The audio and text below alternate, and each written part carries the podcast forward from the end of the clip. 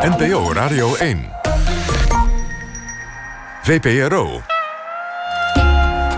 Nooit meer slapen.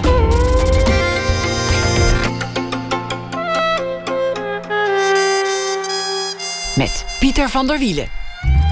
Goedenacht en welkom bij Nooit meer slapen. De band Mos presenteert morgen het nieuwe album. En de frontman Mar Mar Marien Dorlijn die is uh, op bezoek.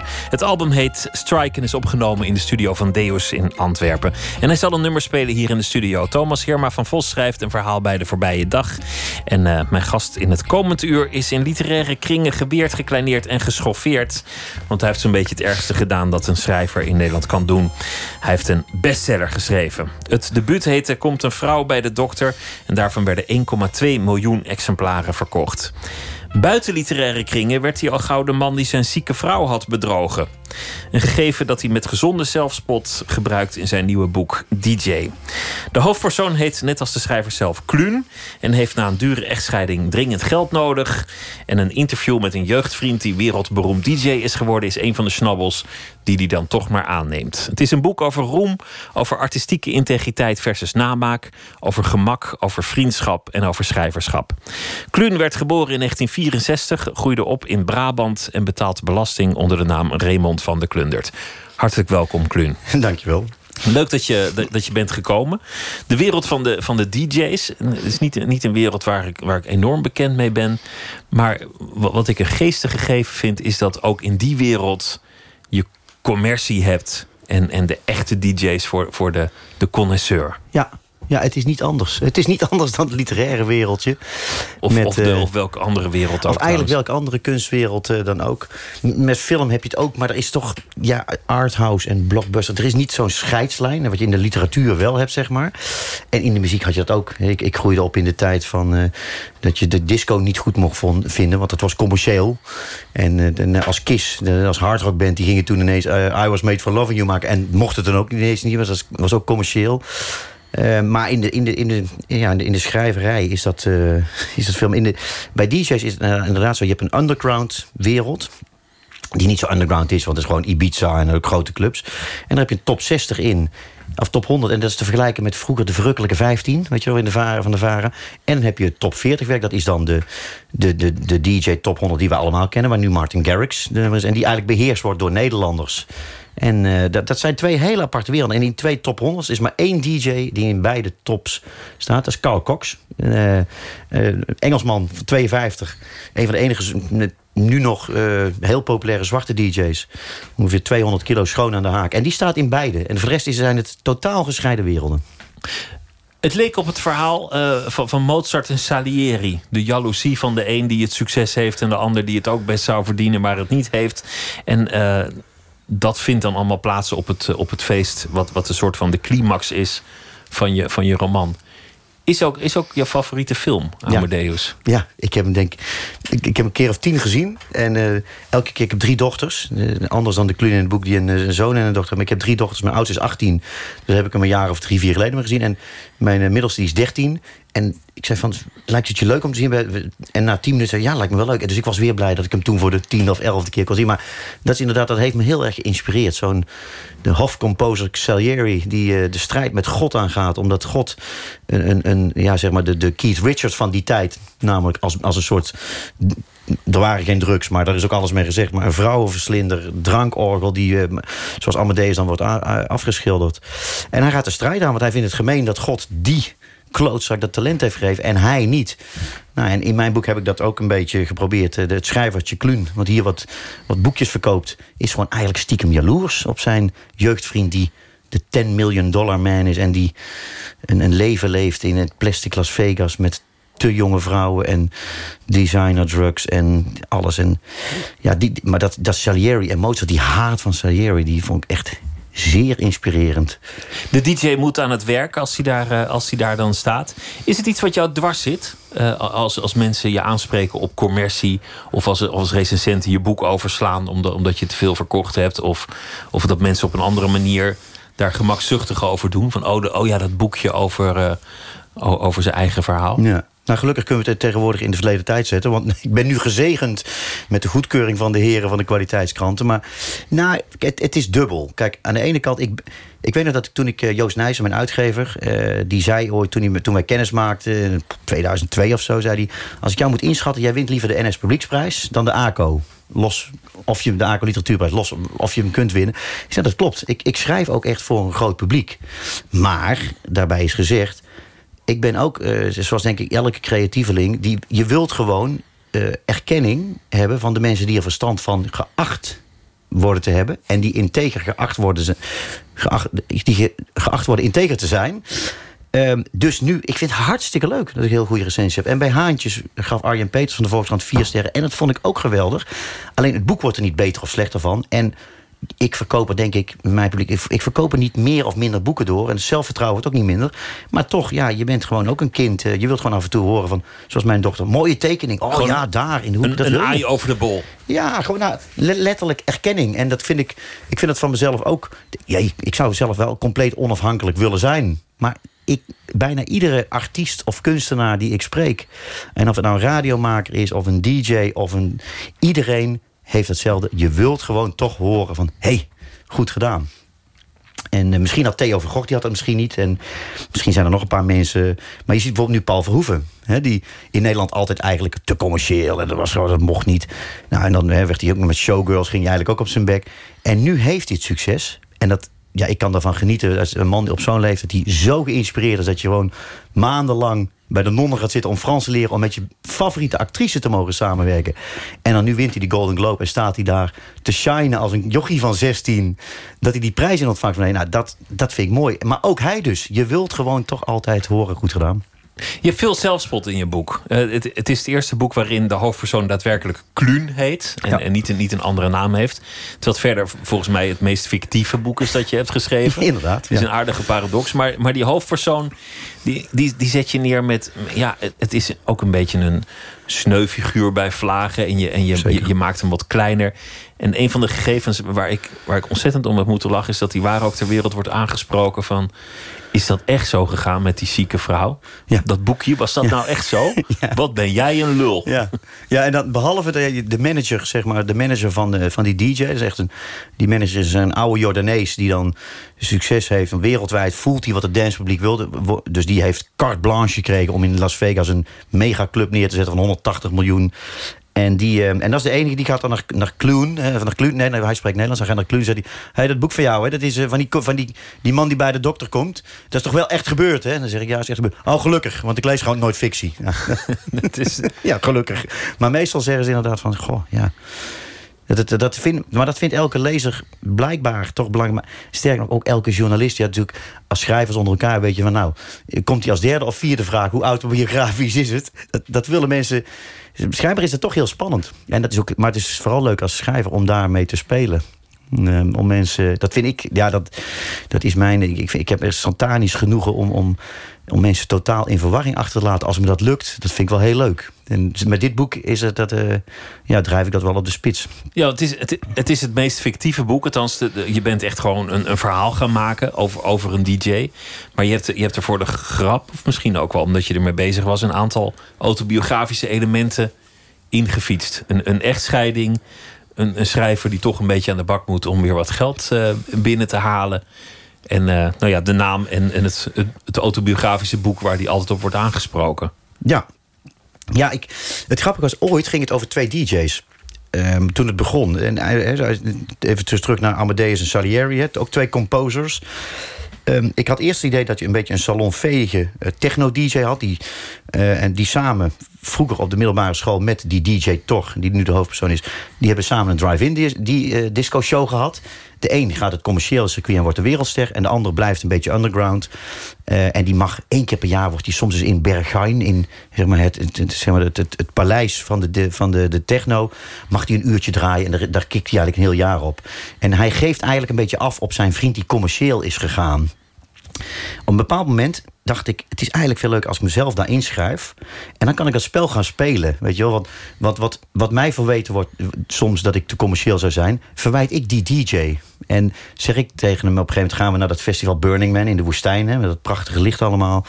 En zeg ik tegen hem. Uh, eh, dan zie ik de programmering. Zeg, goh, eh, Seth Troxler draait, eh, geloof ik. En dat is echt wel, als je, echt wel een van de meest, eh, ja, de, de DJ's die ertoe doen, zeg maar. Die, die heeft genoeg vinkjes in de coolbox staan. En dan zegt hij, Seth Troxler die draait toch? En dan zegt hij tegen mij een beetje geïrriteerd, want hij is ook nerveus. Ja, je bedoelt eigenlijk hoe laat ik begin. Zo, ja, ja, ja, ook, ook, ook. En, en dan, dan laat ik een beetje vallen dat ik hem commercieel vind. Dan zeg ik, nee, alsof jij Dostojevski bent. Ja, dat spel, dat is, dat is heerlijk. Ja. Dat is ook heerlijk om op te schrijven, zo'n scène. Om, Ja, om, dat is om-. Dan jezelf echt op de hak te nemen. Ja, dan zit ik echt. Ja, dan, dat is, als je het hebt over schrijfplezier. Ja, dat, dat zijn momenten. Dan zit je echt achter je laptop. Van, oh, wat, wat een heerlijk vak. Het is natuurlijk ontzettend leuk. Kijk, ik, jij ontvangt hier nog wel eens gasten. mij, maar ik zit de hele dag alleen. Ik zit te kijken. Ik, ik heb mijn woonboot. Ik zit te kijken naar de meerkoeten en de eenden. En eh, nou, mijn vriendin en ik we lunchen tussen de middag. En soms komen de kinderen uit school bij me. Maar het is. eh, het, als je in je eentje zit, dan is het geweldig om, te, om het spel te kunnen spelen waarin je gaat denken: ja, maar hoe zou ik nou zijn als ik inderdaad helemaal. Als, als je bijna geen geld meer hebt, je hebt een writersblok en iedereen. en je krijgt die kans. Hoe gemeen zou je worden om die vriend van je, die soms ook wel een beetje. Hij is niet vals, die vriend, maar hij is gewoon een jongen die, die, die, die roept allemaal van die dingen waarmee hij niet weet dat hij je kwetst. Dat, dat, dat heb je van. Die ken je allemaal van school. Een onbedoelde lul is het. Ja, het is, een, het is op zich een edelmoedige jongen, maar hij zegt soms zo'n lompe dingen. Voorbeeld, hij liet vroeger op school dan al eh, foto's zien van de meiden die hij versierde. Hij was DJ en wij, dus zijn huisgenoten, die werkten dan bij de EDA of zo. En die waren, ja, dat was al niet zo heel cool. Maar wij waren, mochten blij zijn als we zeggen sluitingstijd nog een dronken eh, weet je, studenten van de school voor toerisme dan meesleept. Maar hij had altijd de mooie meiden en liet hij dan ook foto's van zien. En zo om te laten merken dat hij een heel andere vijver viste. Nou, en op het moment dat ik hem weer zie, 30 jaar later, dan blijkt het eigenlijk precies hetzelfde te zijn. Dus hij swipet ook door zijn telefoon om iets te zien. En ja hoor, daar komen ze weer. Ik, oh verrek, het is weer hetzelfde als toen. We komen weer in diezelfde rol.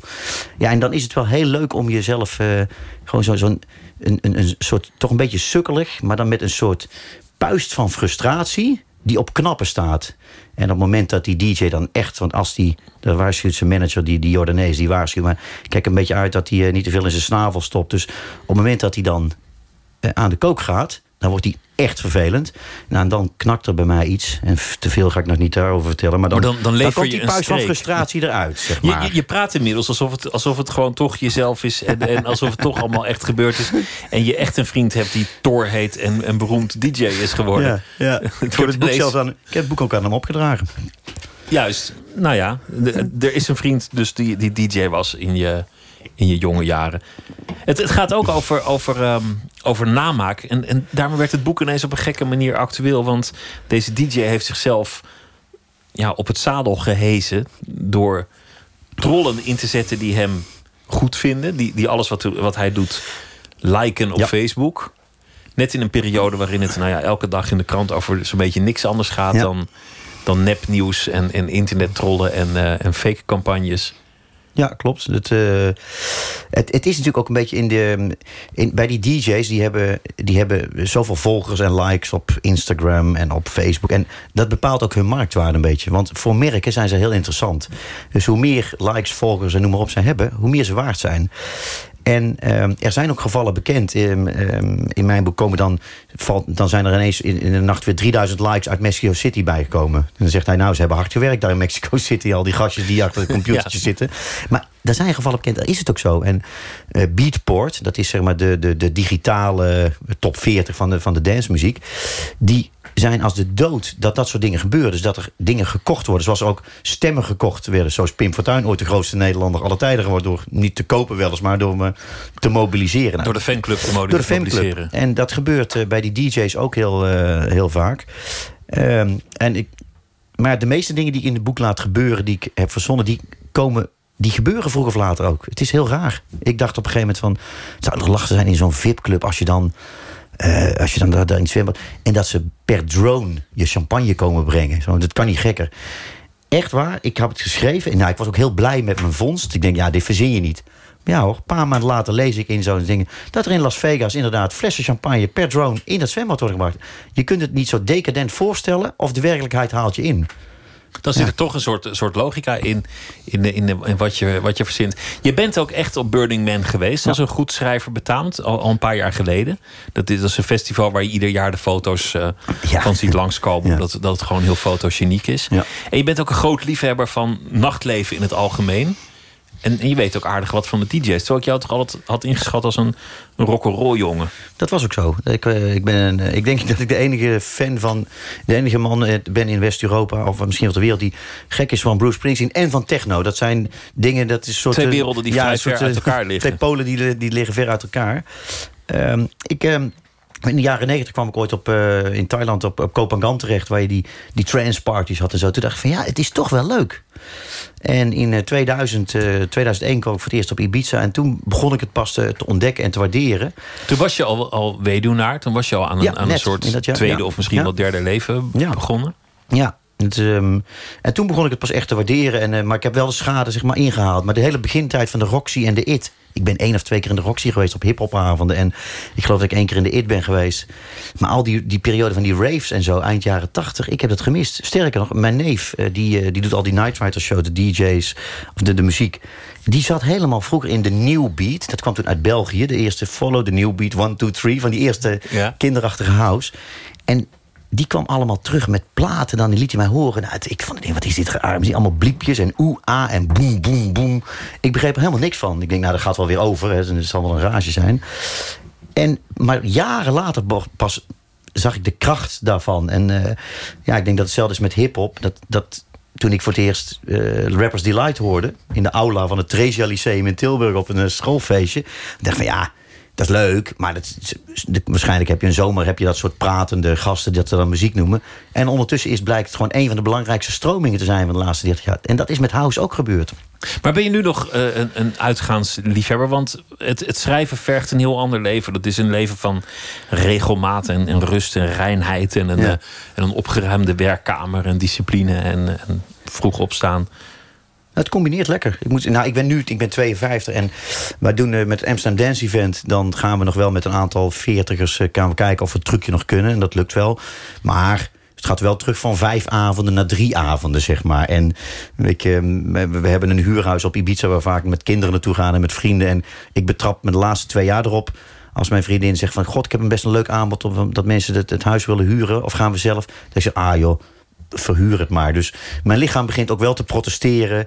Maar af en toe, dan wil ik het nog wel eens doen. Alleen, ik moet zeggen, Awakenings bestaat nu 20 jaar. En dat, maar dat is het technofestival. En die, ehm, ehm, en die eigenaar die sprak vorige week, Rocco, die zei... ja, we hebben ook een dagversie nu, in plaats van alleen maar nacht. Dus zeg maar voor alle, voor alle oude ravers die nu papa en mama zijn geworden. En dan merk ik wel dat mijn ogen beginnen te glimmen. Ik denk, hé, wat lekker, gewoon overdag. Dat je niet tot twee uur s'nachts hoeft te werken. Dus ja, de leeftijd begint toch wel een rol te spelen. Maar ik vind het nog steeds wel leuk.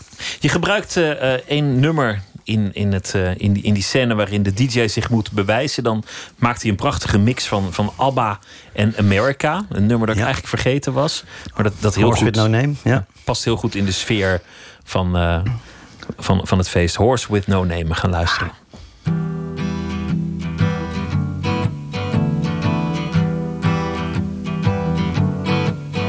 On the first part of the journey, I was looking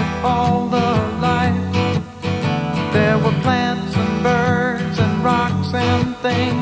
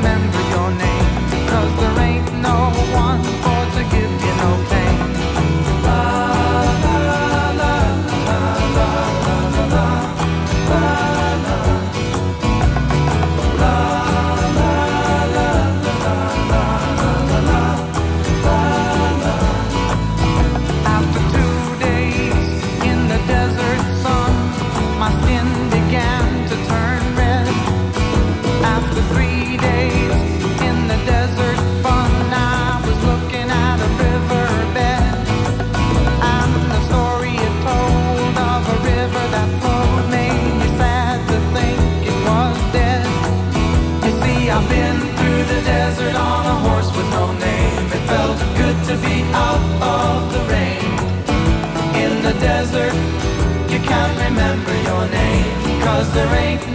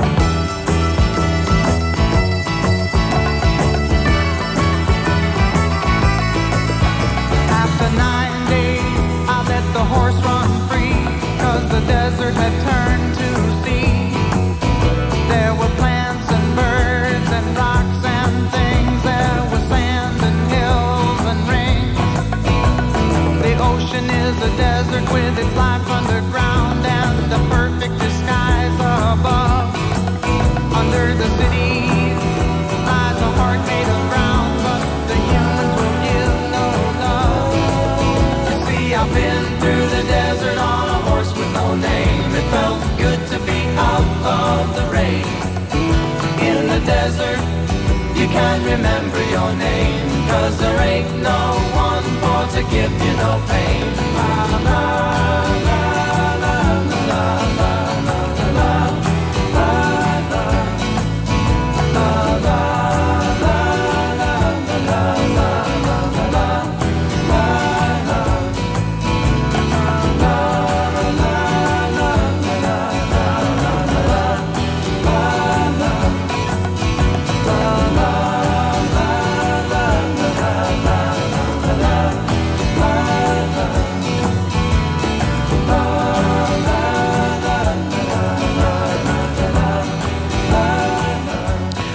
With No Name van America. Een nummer dat eh, voorkomt in het boek DJ van Kluun, die eh, nu tegenover mij zit. Tilburg werd al eh, genoemd. Brabant komt ook weer voor in, in, in het boek. Ja. Je, je bent opgegroeid in Brabant en, en op, op wat latere leeftijd naar Amsterdam gekomen uiteindelijk. Ja. Als, als we zo terugkijken naar een jaar of twintig geleden. Toen, toen iedereen heel erg met house bezig was, behalve jij nog op dat moment. Een, Ja. een, een ander ding dat aan de hand was, was dat, dat iedereen ineens het ging maken. Het was, het was een hele optimistische tijd, zo 1998, 97.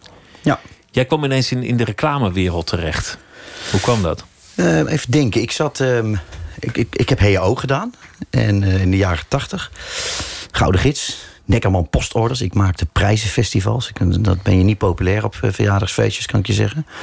En toen ben ik ehm, in Amsterdam gaan werken. En, ehm, en kwam eigenlijk bij toeval. eh, zei iemand, een goede vriend van me, die was eh, top creatief bij eh reclamebureau DDB. En, die, en wij waren, zij noemden zichzelf het AC Milan van de reclame. Dus die arrogantie zat er daar al in. En hij zei, wij zoeken een, eh, een strateeg. Ik zei, wat, wat is dat dan? Ja, die zit een beetje tussen de accountmensen dus, en de creatieven in. Ik zei, oh, wat leuk. Hij zei, ja, en dan moet je analytisch vermogen en creativiteit kunnen combineren. En dat hebben niet zo heel veel mensen. Ik denk, hey. En dat bleek ik ook zo ongelooflijk leuk te vinden. En dat was ook voor het eerst dat ik echt in mijn eentje, in splendid isolation, zat te werken. Ehm, en toen heb ik een tijd eigen bureau gehad. En dat was in die tijd die jij zei, 97. Als je toen geen geld verdiende, ja, dan ging het echt. En ehm, ik, ik, ik heb nog steeds wel een liefde, moet ik zeggen, voor, eh, voor reclame. Als het echt om heel goede creatieve reclame eh, is, dan kan ik nog steeds wel genieten. Van een goed plan, goed uitgewerkt, eh, gewoon een goed idee. Een goed idee waar je echt mensen waar mensen ook om moeten lachen, weet je. En, en of het nou een, een, een billboard of ja, advertenties zijn er steeds minder, goede printadvertenties. Maar een goede commercial kan er steeds echt wel van genieten. Als ik het goede werk van Nike zie of van weet ik veel. Ja, het is een prachtig. Maar alleen, ja, ook daar, eh, de waardering voor creativiteit is een beetje, eh, is niet meer in geld, wordt die uitgedrukt. En dan loopt die reclame langzaam leeg, want daar zaten de meeste mensen toch wel voor het geld in. Het, eh, wij noemen onszelf ook wel gemankeerde kunstenaars. En, Deed jij het ook voor het geld toen? Ehm, ik vond het heel leuk, maar het hielp wel dat het geld heel goed was, ja. ja. Dat hielp wel. En later, toen ik schrijver werd, merkte ik tot mijn verbazing...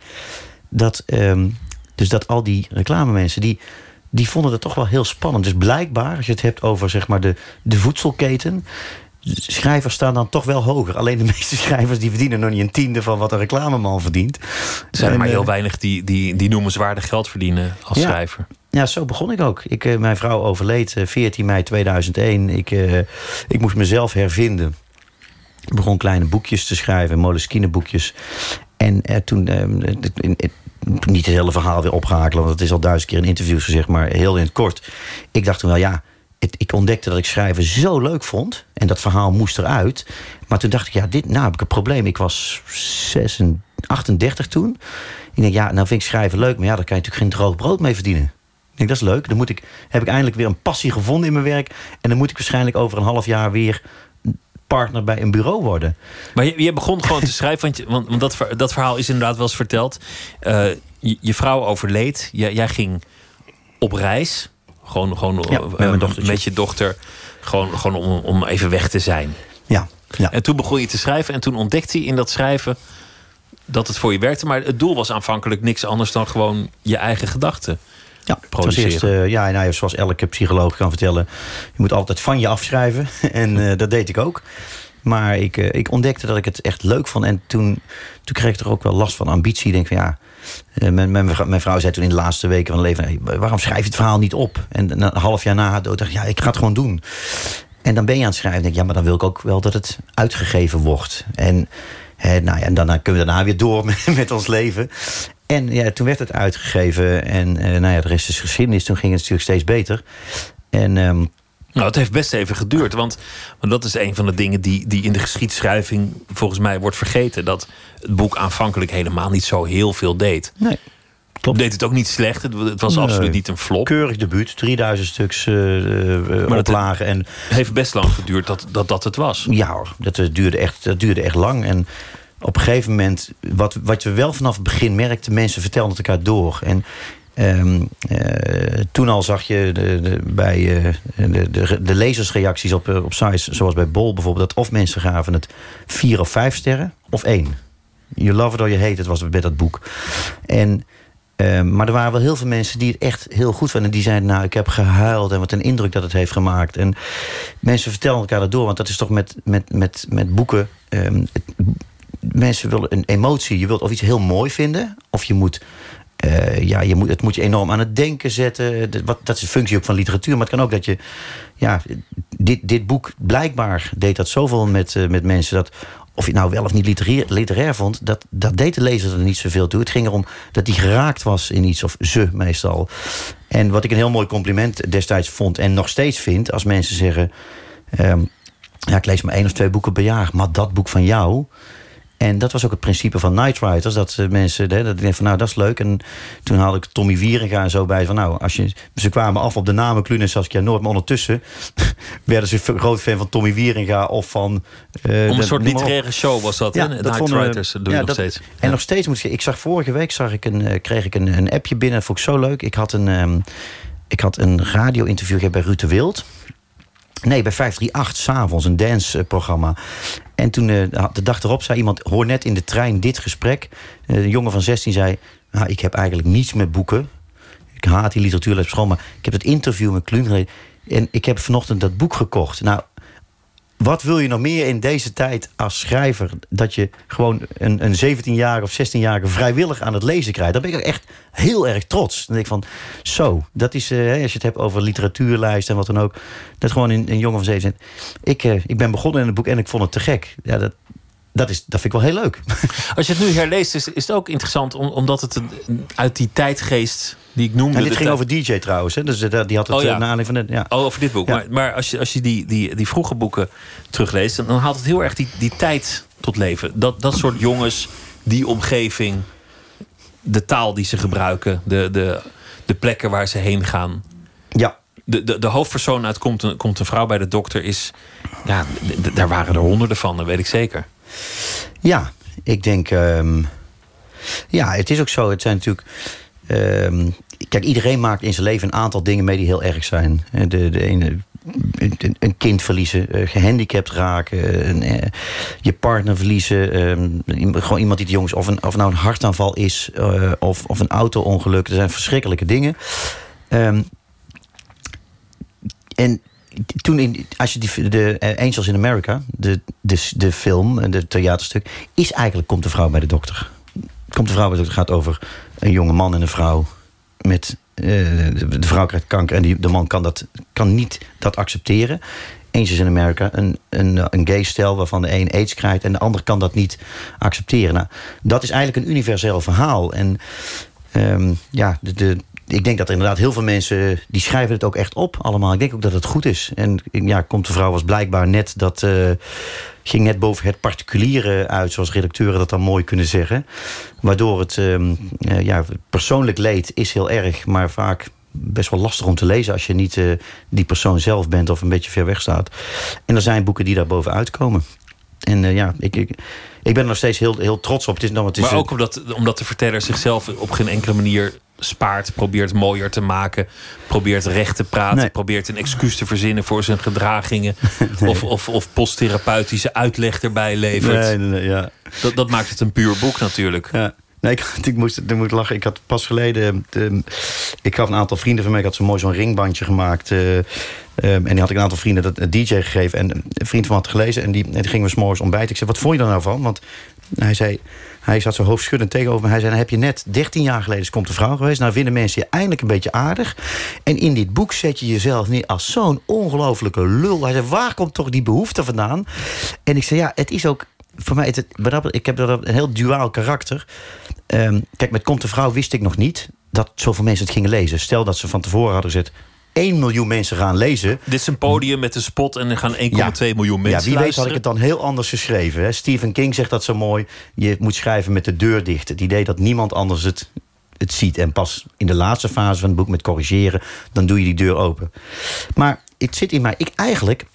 Ik vind het gewoon wel leuk als mensen me aardig vinden. Zo zit ik in elkaar. Maar je doet ook aan zelfkastijding. Ja, je vindt het ook leuk om, om je van jezelf een, Ja. een lul te Ja, maken. en ik, wat dat dan is. En misschien ehm, is het wel een beetje... ehm, kijk, met, ik heb natuurlijk zoveel over me heen gekregen met Komt de Vrouw. En ik snap dat ook heel goed. Ik bedoel, het is een soort zelfgecreëerd monster ook, dat boek.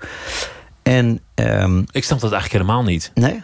Nee, ik snap, ik snap niet dat mensen dan, dan daar hun mening over moeten geven. Ik denk, als je het zelf hebt meegemaakt, dan, dan moet je het anders doen. Maar Ja, ja, dat is, ik, vind dat gemoraliseerd. ja, ik zeg dat ook altijd als mensen me dat zeggen. Ik zeg, ja, zoals de grote filosoof Elvis Presley zei...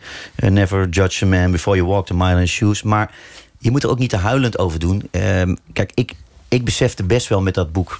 niet wetende dat het zo'n bestseller zou worden... maar je, beseft dat dit een mega controversieel verhaal is. En dat heb ik ook van willen maken. En met het, Het is hoogverraad. Daarom. Vrouw is ziek, vrouw gaat dood, Daarom. man, man die Daar gaat hoef je niet de moeilijk over te doen dat het moreel niet een, de schoonheidsprijs verdient. En dat heb ik met, met DJ heb ik dat ook eh, eh, geprobeerd. Van, ja, hoe ver kan je gaan om je vrienden... ehm, ja, hoe, hoe, hoe ver reikt vriendschap als er, als er ook persoonlijk gewin eh, kan zijn. Maar blijkbaar... eh, ik, heb, ik, heb het dus blijkbaar, ik heb ook zoiets gehad van... nou, toen heette de hoofdpersoon Stijn van Diepen. En ik weet nog dat Helene van Rooyen ooit tegen me zei... nou, je kan hem Harry noemen of Piet of Kees... Het is gewoon ik-persoon. Ja. En ze zei, dat was bij mij ook, bij de gelukkige huisvrouw en zo. En nu dacht ik, weet je wat? Ik ga hem gewoon Kluun noemen. Ik ga hem gewoon schrijver maken. En hij is ook nog schrijver van Komt de Vrouw geweest. Ik geef hem wel een zoon en een dochter in plaats van drie dochters. En dat het een beetje al verwarring schept. En voor de rest, heerlijk. Laat de lezer maar lekker denken van... dit zal wel echt gebeurd zijn. En, en ik vind het, dan vind ik het ook wel leuk. Zo van, nou, dan kan je het krijgen ook. En ik, ja, ik heb daar heel veel lol in, blijkbaar. Dus ik vind het, als mensen tegen mij zeggen... ik vind jou een lul, ja, dan denk ik, ja, best... Als mensen iets heel naars zeggen van de reden waarom je Komt de Vrouw hebt geschreven, ja, dat om de geld, dan dat raakt me wel zo.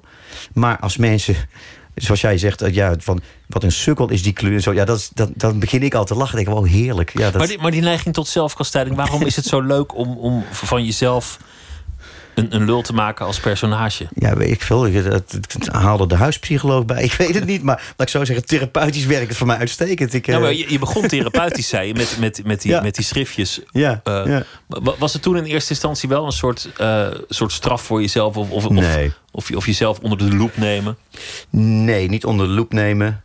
Nee, ik wilde een verhaal destijds over liefde vertellen. Dat die, dat, dat die lief van ons dat had de, het vreemdgaan en de kanker... en zelfs de dood heeft overwonnen. Nu, ik ben een ambachtsman. Ik wil gewoon eh, ik, ik wil een verhaal schrijven en denken van hoe... Ja, hoe krijg ik dat verhaal zo goed mogelijk en, ehm, en zo, zo, eh, zo intrigerend mogelijk? Ehm, Dus daar zit nu er zit niks therapeutisch uh, aan. Nee, het is gewoon echt. Ik, ik, ik wil gewoon echt mensen. Dat vind ik leuk. Ik, wil mensen wel een beetje, beetje, beetje in verwarring brengen. En ik, ik hoop dat dat lukt. En uh, dus daarom, ik heb het boek op opgedragen aan Torwald, de, de, DJ. En een heleboel dingen zullen mensen zeggen: Oh, oh dat, is, dat is die, dat is die. En ja, ik blijf ze dan maar aankijken van nou, doe je ding. Succes. We, hadden het over die eerste fase dat, dat je eerste boek uit was en dat het eigenlijk allemaal niet zo heel veel deed nog. Dat, dat, dat kwam later. Het, het moet zijn gaan jeuken voor jou als reclameman. Je, bedoel, je hebt dat boek geschreven, je bent er trots op, het wordt uitgebracht. Dan, dan ga je, zoals iedere schrijver dat doet, proberen dat boek ook naar de lezer te brengen. Ja, Maar jij had ervaring in dat vak van reclame en marketing. Ja. Hielp dat? Dat hielp. Um, uh, ik had ineens een aantal mensen die daar ook best wel goed in waren. Uh, ik weet nog dat Cornald Maas ooit zei over de boekpresentatie van Komt de vrouw bij de dokter. Hadden we um, Hotel Arena in Amsterdam omgebouwd tot scènes uit het boek. Uh, diverse vertrekken. En die zei van ja, ik ga met mijn hakken in zand, want er wordt een, te zeer een beroep op mijn emotie gedaan. Dat snapte ik ook van Cornald. Ehm, maar het bracht wel dat je als debutant ineens wel dat mensen zeggen: wat is het voor een raar boek? Wat is er? Waarom schrijft iemand daar een column over? En um, uh, nu ook, ik, um, kijk, als ik een boek schrijf, dan denk ik niet, uh, dan denk ik niet van hoe kunnen we dat nou zo schrijven dat het marketing technisch goed is. Sterker nog, ik, soms komen er van die ideetjes van, oh, het is wel leuk voor de promotie. Dan heb ik een, ik heb een documentje losse vlotters marketing. Dan gooi ik het daarin en dan mag ik ook niet meer naar kijken. Het moet uit mijn hoofd. Dus ik, ik ben gewoon zoals iedere schrijver, ik ben een schrijver, ik heb een dijk van de redacteur en uiteindelijk is het boeker. En dan gaan we ook eens kijken. En de, nou, het ziet nu in de boekwinkels rood van de cover van, die, van dit boek. Ik heb deze, ik, ik ontmoette twee, uh, de Stone Twins, twee hele goede creatieven. En ik zei, nou, willen jullie alsjeblieft voor het eerst in je leven een boekcover maken? En dat wilden ze. Ik zei, er zijn geen budgetten hoor, want ook niet bij bestsellers. Nou, ik ben zo blij dat zij dat hebben gemaakt. Want dan kan ik ook genieten van het feit dat zo'n krachtige cover is. En dat een goede fotograaf die zelfs mij goed erop kan zetten. En ja, dan, dan wil ik ook. Ik vind het ook nobel, eerlijk gezegd, als je reclame maakt voor kunst. Daar vind ik de parade. Maar iedereen doet het, alleen jij doet het misschien wat nou, professioneler. Iedereen doet het, maar destijds was het echt een schande. 2003, er werd schande van gesproken dat je dat doet. En zeker met zo'n boek. Bij, in, de, in, de, in de museumwereld was het al een tijdje. Film is altijd meer Maar, maar zo'n boek, omdat het, omdat het ging over de dood van je vrouw had je een sobere campagne moeten voeren of het gewoon niet moeten willen verkopen? Inderdaad, met dit onderwerp zeker niet. Maar we praten nu echt over 14 jaar geleden. Ehm, het was sowieso not done om een boek met aplomb in de markt te zetten. Eigenlijk hoorde je beleefd de recensenten af te wachten. Het feit dat jij de vraag nu stelt, daar ben ik ook wat. We hebben wel school gemaakt. En elke. Je zag van de week ook de driedubbele bijlagen van Bert Wagendorp in de Volkskrant. Weet je wel, van ja. pagina. Wat vier pagina's extra. Maar het, dat vind ik ook leuk. Het doet mij denken aan Jan Kremer, die was een tijd ja, geleden hier te gast. Ja. Die, die, belde, die, die stuurde zelf twee brieven naar de krant onder twee verschillende namen. Wat een rotboek van die Kremer, dat moet onmiddellijk uit de handen worden genomen. En dan een ander, hoe kan die man dat zeggen? Ik vond het juist een prachtboek. En die waren allemaal door Kremer zelf geschreven. Hij lachte zich blauw. Ja, de onverbiddelijke bestseller. Hè? Dat, dat, een vliegtuigje boven het strand. Ik denk dat Jan Kremer wat dat betreft de eerste was. En Helene van Rooyen, die heeft het van nature ook. Hè? Die, die durft ook. Een, eh, en bij mij zit het meer in mijn reclame- en marketingachtergrond. Maar nogmaals, ik vind echt als je... je wordt doodgegooid met reclame voor verzekeringen, auto's, maandverband en schoonmaakmiddelen. Laten we blij zijn dat je, dat je voor kunst... en of het nou theater of beeldende kunst of wat. Laat ons blij zijn dat je daar reclame voor maakt. En hartstikke goed. Dus ik vind het ook. Ik, ik, ik, ik kan ook genieten als, als uitgevers gewoon echt eh, de hele achterpagina's huren van de Volkskrant. Omdat er omdat een boek goede recensies heeft. Nou willen we dat iedereen laten weten. Perfect toch? Dat, is, het is toch mooi? Nou ja, uiteindelijk moet het, moet het boek zichzelf verkopen, denk ik. En het, het is ook moeilijk. Het is ook moeilijk om een goede campagne voor een boek te bedenken. Ja, ik, denk, ik denk dat zeep makkelijker te verkopen is. Dat klopt, want een boek, de, een boek moet het altijd zelf doen. Je kunt het bekendmaken, maar op het moment dat je uh, dat mensen, uh, dat een aantal mensen dat gaan kopen. En je staat, uh, en het gaat op een verjaardagsfeestje of binnen bij een boekwinkel gaat het over dat boek en iemand zegt: Nee, ja, ik heb het gelezen, vond het niet bijzonder. Dan implodeert het. En het kan alleen een succes worden als het gewoon uiteindelijk een goed boek is. En natuurlijk heb je smaakverschillen, dat, dat, dat staat buiten kijf. Maar het kan niet zo zijn, je kunt nooit met marketing... je kunt niet een goed boek, eh, of een slecht boek marketen. Ja, je kunt even een hype maken, maar dat houdt op. Eh, dus, eh, maar het kan wel helpen dat je het onder de aandacht brengt. En dat vind ik ook een goede zaak. Bruce Springsteen, je bent een van de grootste fans van, van Springsteen. Je hebt hem 30 keer minstens zien optreden. Je gaat elke tournee in een aantal Europese steden kijken. En als het even kan, ook, eh, ook, ook daarbuiten. We gaan luisteren naar Independence Day. Hmm, lekker.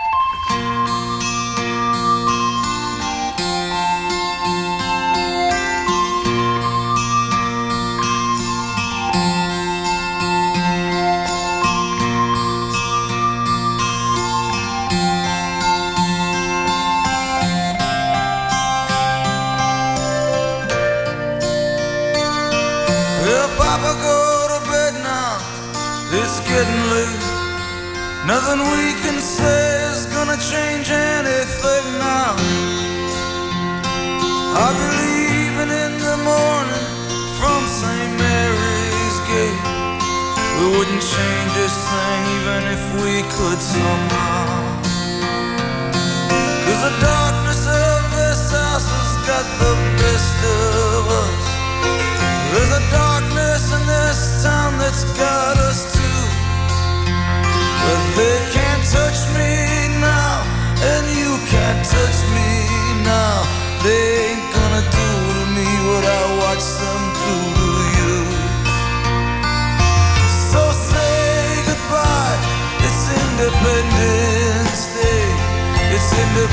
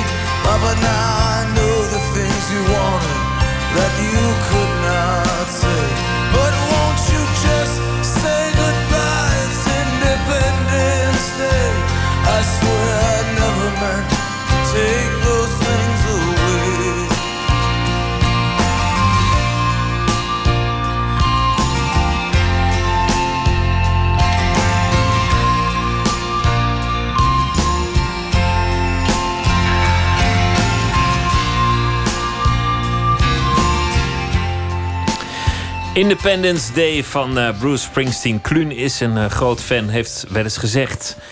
God bestaat niet, maar de bos bestaat wel. Of hmm. iets van die strekking. Ja, ik heb volgens mij, het is een, het is een soort eh, kerk, kerk zonder God. Dat was het, ja. Het is een, uh, wat, zo voelt het, ja. Zo, als je daar bij een concert gaat, er is geen God, maar er is wel een soort... Het lijkt wel een soort EO, jong, oudere jongerendag. Zo van een soort positiviteit die door het publiek gaat. En ja, en daar... daar eh, Het heeft iets sacraals als die man op het Ja. podium staat. ja, Voor jou. ja. Ja, nee, nee, niet voor mij alleen. Het is, eh, als ik, eh, je ziet mensen echt gewoon stuk gaan eh, ehm, eh, van, van emotie. En ehm, ik was met een paar vrienden in, ehm, in Ierland. En eh, toen had hij een tour gehad van 170 optredens. En deed in een klein plaatsje in Kilkenny deed hij een weekender, zoals dat dan heet. Dus twee concerten achter elkaar. Dus niet in alle grote arenas, alleen in het kleine, zo'n zo'n oud rugbystadionnetje. Had hij opgetreden, drie uur lang zoals het gaat. En eh, eh, zijn optredens duren langer dan de carrière van een Voice of Holland kandidaat, zeg maar. En dan had hij eh, na die drie uur de band gaat weg. En dan ging hij nog eventjes één nummer. En begon hij te vertellen over die tour. En zei hij over dat hij 50 jaar op het podium staat. En 40 jaar met dezelfde mensen. Dat ze twee mensen verloren hebben tijdens die tour. Clarence Clemens en Danny Federici. Allebei overleden. En toen zei hij... And the older you get, the more it means. En dat klopt zo ontzettend. En ik denk dat dat Springsteen. Je groeit eigenlijk mee met een carrière, eh, met, met een leven van, van iemand. Dat zal bij de meeste schrijvers ook zo zijn. En het komt tot een soort essentie. Nou ja, je gaat door alle fases in het leven eh, heen. Hè. De, de, eh, de twintiger in hem die dan eh, born to run en, en feesten. En, en dan langzaam ja, beseffen van... de, it's difficult to, to find the ties that bind. Hè, van relaties, kinderen en... Ja, en langzaam jezelf weghalen uit het middelpunt van het universum als je kinderen krijgt. En Ehm, en wat ik heel mooi vind, dat ehm, iemand zijn. eh, wat ik ook een beetje. Wat, ook, eh, wat ik straks over Verhoeven zei. dat je een groot publiek kunt bereiken. en toch je, je artistieke integriteit behoudt. En ehm, dan doet het er. Het is helemaal niet erg als veel mensen je werk kopen of luisteren.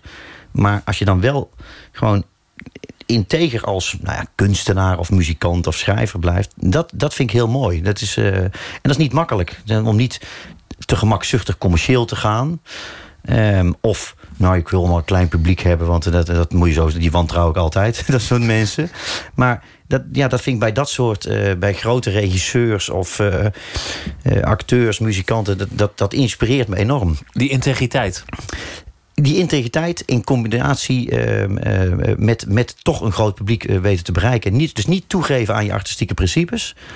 Ehm, maar ook niet er vies voor zijn om gewoon dat de wereld in willen slingeren. Ik bedoel, Springsteen gaat ook bij de, de Saturday Night Live en de Jimmy Kimmels en de, nou, hoe het allemaal zitten.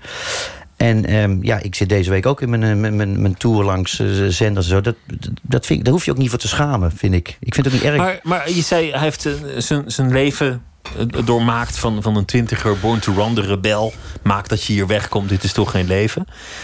Jouw, jouw eigen bestaan, een Brabantse jongen. Die, die, die min of meer door toeval uit Brabant wegkomt. Eerst terechtkomt in de, in de, in de groter, sneller reclamewereld van, van, de- van, het, eh, van het snelle geld. Ehm, je, je grote liefde verloren. De, de, de moeder van, van, je, van, van je kinderen, die, die sterft jong, gewoon onrecht. Ineens ben je de succesvolste schrijver van, van het moment. De best verkopende schrijver van het, van het moment. In, in jouw boek gaat het eigenlijk ook steeds over mensen die, die ergens terechtkomen en op zoek moeten naar wat, wat drijft mij eigenlijk? Wat is nou eigenlijk de essentie? Waar ging het nou om? Nee, klopt. Als ik zelf, eh, zeg maar, als ik probeer eh, van afstand naar mijn werk te kijken. Eigenlijk gaat het altijd tussen de balans aan eh, van, van, van hedonisme, hè, de genotszucht, en zingeving. En ehm, ja, dat is wat mij als mens. Ik, ik, ik ben iemand, ik, eh, eh, ik, ik ben wat dat ook wel een levensgenieter. En, ehm, maar ik ben niet, niet een, een hedonist eh, meer in de zin van dat, het, dat dat het je, je ideaal is, dat het genot, in, het klinkt een vreselijk woord zo, maar dat dat het, maar nog steeds, het is meer een, een leven. Ik wil genieten van het leven. En ik, ik geniet van, eh, maar dat wil niet zeggen dat dat alleen maar feest hoeft te zijn, maar dat is gewoon ook met je kinderen naar ergens naartoe. Naar, eh, ik ben deze, Het is niet het, is niet het beeld dat, dat misschien sommigen dan krijgen van een decadente jongen die alleen maar van feest naar feest loopt. Nee, in tegendeel. Ik, eh, als ik echt. Ik, ik, ik voel me, dat, dat klopt wel een beetje met de kluun in het boek ook. Ik, ik voel me totaal niet op mijn gemak in de wereld van de VIP-rooms en zo. Ik hou daar niet van. Eh, ik vind het veel leuker om op een dansvloer te staan in Berlijn of, op, of in Ibiza. Eh, nou, dat gebeurt steeds minder. Maar ik, ik ben ook een Brabant. Ik ga op carnaval volgende week. En dan vind ik het leuk om gewoon tussen al die leeftijden van, van 10 tot 80 die, met, die in Brabant gaan. Dat vind ik veel leuker. En het wereld van de VIP-rooms in Las Vegas, waar die toch zich zo thuis voelt. Ja, ik, ik voel me daar ook niet thuis. Het, het mooie was, je, je moest eigenlijk als een soort anker in dat boek... om, om al die decadentie aan op te hangen... één iemand hebben die daar gewoon nog lag. En dat werd de vader van de DJ... die Ja. trots op zijn zoon in Vegas opduikt. En dat is dan toch die Brabander. Ja, ja. En, en dat was het contrapunt van, van al die totaal op hol geslagen, op drift geraakte karakters. Ja, ik sta op een gegeven moment, wij zijn, ik, hij, eh, ik, ik sta daar in die, eh, zeg maar, de balustrade waar alle VIP-tafels zijn. Sta ik naar beneden naar, naar, te kijken naar DJ Tor. En op een gegeven moment word ik op mijn schouder getikt. En zegt hij, hé, hey, Kluun toch, hè, of niet? En dan herken ik dus meteen die vader, want die ken ik nog van vroeger van de studie. En ehm, en die vader, en dan later in een, in, een, in een scène, die pakt van een van die VIP-tafels pakt hij een flesje bier uit, de koel, eh, uit, de, uit zo'n ijsemmer en maakt het open en geeft hem mij. En, nou, dat, is- en ik zeg, eigenlijk is hij de enige man in heel die VIP-ruimte die kon totaal zichzelf is. Hem is het, niemand wordt ook kwaad om- op hem, want iedereen kan er wel om lachen. Zo'n zo'n oude man die er in een oversized t-shirt met het beeldmerk van zijn zoon staat. En die net te laat die roffel geeft en zo. En ehm, ja, ik zag zo'n man ook meteen helemaal voor me. Ehm, Maar staat ook een beetje voor iets dat in jouw leven aan de hand is. De gewone Brabantse jongen die, die gewoon weer ontdekt dat hij uiteindelijk gewoon die Brabantse jongen nog steeds is en kan zijn. Dat voel ik ook zo. Ik woon nu lijk- sinds 91 in Amsterdam. En ik voel me echt Amsterdammer. Maar ik voel me absoluut ook Brabander. En ehm, dat, dat is ook... eh, ja, ik, ik heb dat altijd wel gehad. Aan de ene kant dat Brabantse... of sowieso provinciale van doe maar gewoon, doe dat gek genoeg. Dat heb ik ook. Maar ik heb ook een hekel aan dat je...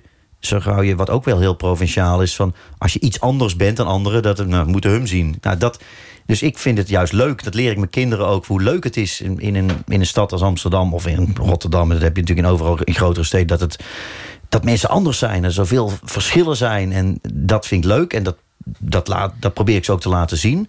Maar Ehm, zo gauw het inderdaad zo'n soort... Ja, dat je of heel mooi of bijzonder of geld moet zijn om erbij te horen. Nou, dat, wat dat betreft ben ik ineens een, een provinciaal. Denk, ja, ga weer, ga toch weg. Weet je, dat, eh, dat, ja, dat is, dat, dat is dubbel. En dat, ik, dat, dat koester ik ook, eh, moet ik Terwijl, zeggen. er zijn momenten geweest dat je het wel interessant vond. Als, als, als reclamejongen. Om, om, om meer te verdienen en naar plekken te gaan. En, Ja, maar ik vind ook niks mis mee om, eh, om geld te verdienen. Geld is vrijheid. Dus, eh, dat, eh, nee, ja, maar het is niet de essentie. Dat is meer het ding. Nee, dat klopt, Ik maar heb het ook is- liever meer geld dan weinig geld. Ja, maar ik merk wel, ik vind het heel fijn ehm, dat ik. ehm, kijk, ik, ik ben zeker niet financieel onafhankelijk, verre van. Maar ik kan me veroorloven om inderdaad vijf jaar aan een boek te werken. En als het even niet lukt, om er dan maar twee jaar. Ja, denk oké, dan. Dat vind ik wel heel erg prettig. Want dat kom je weer terug bij die artistieke vrijheid. Ik, ja, ik ben er heel slecht in als iemand iets zegt wat ik moet doen of zo. En dus dat, dat is bij mij in mijn carrière ook altijd fout gegaan bij bedrijven. Zo gauw, er, zo ik het gevoel heb, ik trouwens in relaties ook. Als ik iets moet, nou dan, ik ben dus niet een rebel in de zin die bewust de grens opzoekt. Maar dan, dan, dan sla ik dicht, dan word ik gek. En dat is in mijn leven zo fijn. Ik mag alles doen wat ik wil. En mijn uitgever heeft hetzelfde belang als ik. Hij had liever gehad dat het boek al wat eerder was. Maar hij is gelukkig nu zeer tevreden.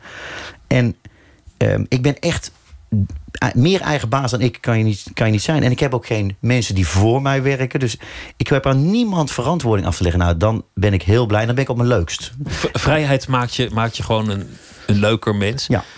Wat- En wat- daar helpt wat bij dat je gewoon niet hoeft te denken... oeh, ik moet over twee maanden wel per se... ik moet wel een column schrijven voor dat blad. Want anders, ik kan echt... Ja, ik zeg altijd op gevoel ja of nee. Vind ik iets leuk of niet leuk? En ehm, ja, dat is heel fijn. Dat is echt, dat is, daar ben ik echt heel blij mee. Dat is luxe. De overeenkomst eh, met, met Kluun in het boek, de, de, de echtscheiding, al was het bij jou geloof ik niet zo'n enorme vechtscheiding als in dat hoor, boek. Dat, nee, dat dat, moet ik even op, ook Even niet. voor de record, mijn ex en ik zijn goed met elkaar. Dus, En dat je eigenlijk bezig was met een, met een, een grote familieroman. Waarvan de Ja. uitgever het, het eigenlijk wel liever had gehad dat je die zou schrijven. Ja, ja. Nou, het is ook. het is, ik weet het ooit. eh, dat ik het eerst het idee opperde. Met mijn uitgever dat ik een boek over eh, een DJ ging schrijven. En hij zei ook letterlijk, ik heb hem gewoon gebruikt eh, in het boek van... Ja, maar mensen die van dance houden, die lezen niet. nu is je daar wel van teruggekomen. Ik zei, maar dat mensen die van dance houden... jij denkt dat dat kaalhoofdige mensen zijn met hele grote pupillen... maar dat zijn gewoon de moeders op het schoolplein... waar ik ook sta, die af en toe nog eens de hakjes aandoen... en dan iedereen die denk ik beneden de 50 is... en uitzondering is ik boven de 50... heeft wel eens met zijn handjes in de lucht gestaan. Ergens op, nou op Koninginnedag is op een boot of waar dan ook. We kennen het allemaal. Bedoel, Het is zo'n grote cultuur geworden. En gek genoeg is er nog nooit een roman over geschreven. Ehm, ja, wat was je vraag ook alweer? Nou, Terug? grote Ja. familieroman. Ja, nou die familieroman zie je. Het is Freudiaans, ik vergeet het. Nou, ik, hij komt er ooit nog. Maar ik heb ook geleerd in, met boeken bij mij... ehm, eh, een idee dat begint langzaam post te vatten... en dan komen er meer dingen bij. Eh, ik heb nu ook ik heb nog twee andere ideeën voor romans... die beginnen zo in mijn hoofd. Maar ik durf nou niet te zeggen wat nou het eerste is... wat ik dan ga schrijven. En mijn gevoel zegt... Ik, ik heb ook, ben ook ooit een bladzijde of 70 van die familieroman heb ik ooit geschreven. Maar ik, het, klopte niet. En eh, dan heb, ik heb geleerd, dan, dan laat het maar gewoon liggen. Het komt vanzelf wel. Dus ik, Dan had het niet de urgentie of de drang... Nee, of, of nee. stond het misschien op dat moment verder van je af... dan, Ja, je, dan ja. je had gedacht. Ja, en, ehm, en soms ben je zo... Je merkt het als je, als je een idee hebt voor, eh, voor een boek.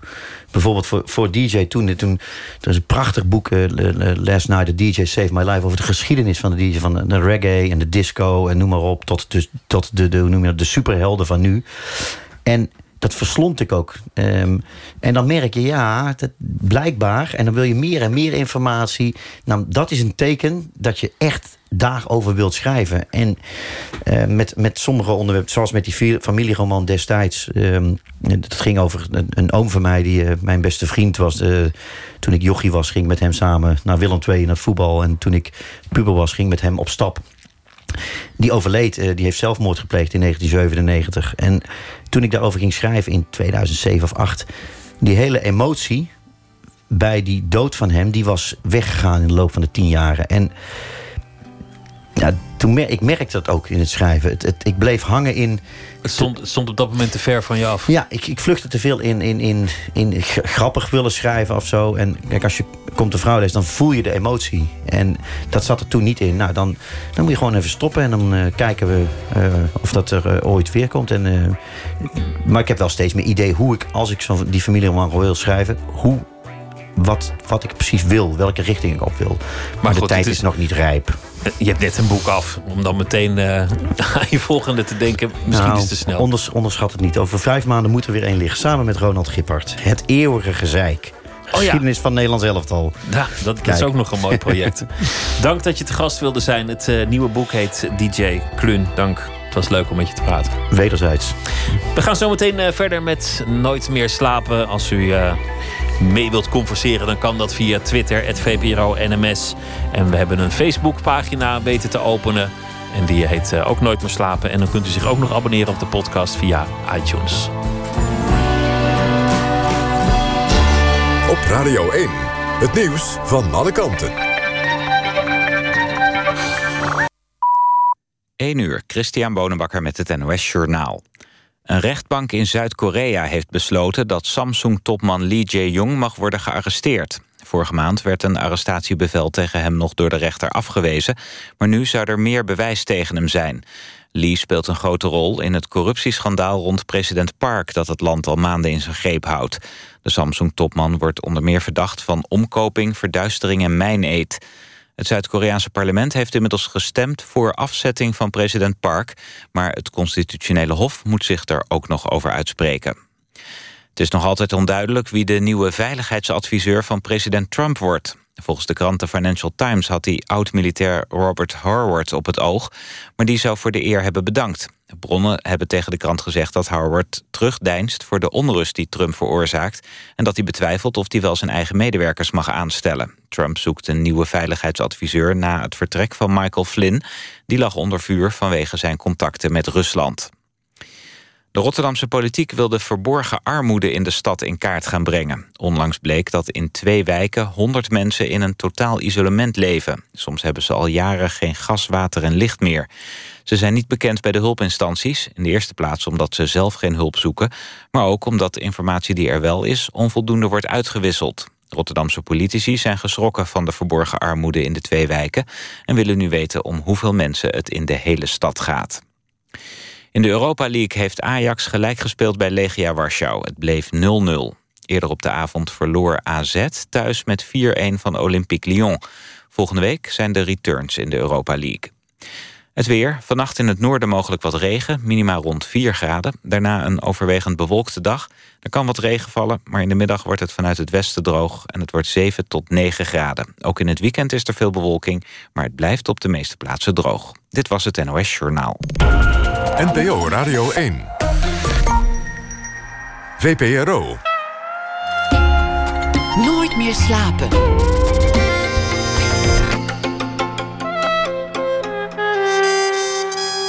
Met Pieter van der Wielen.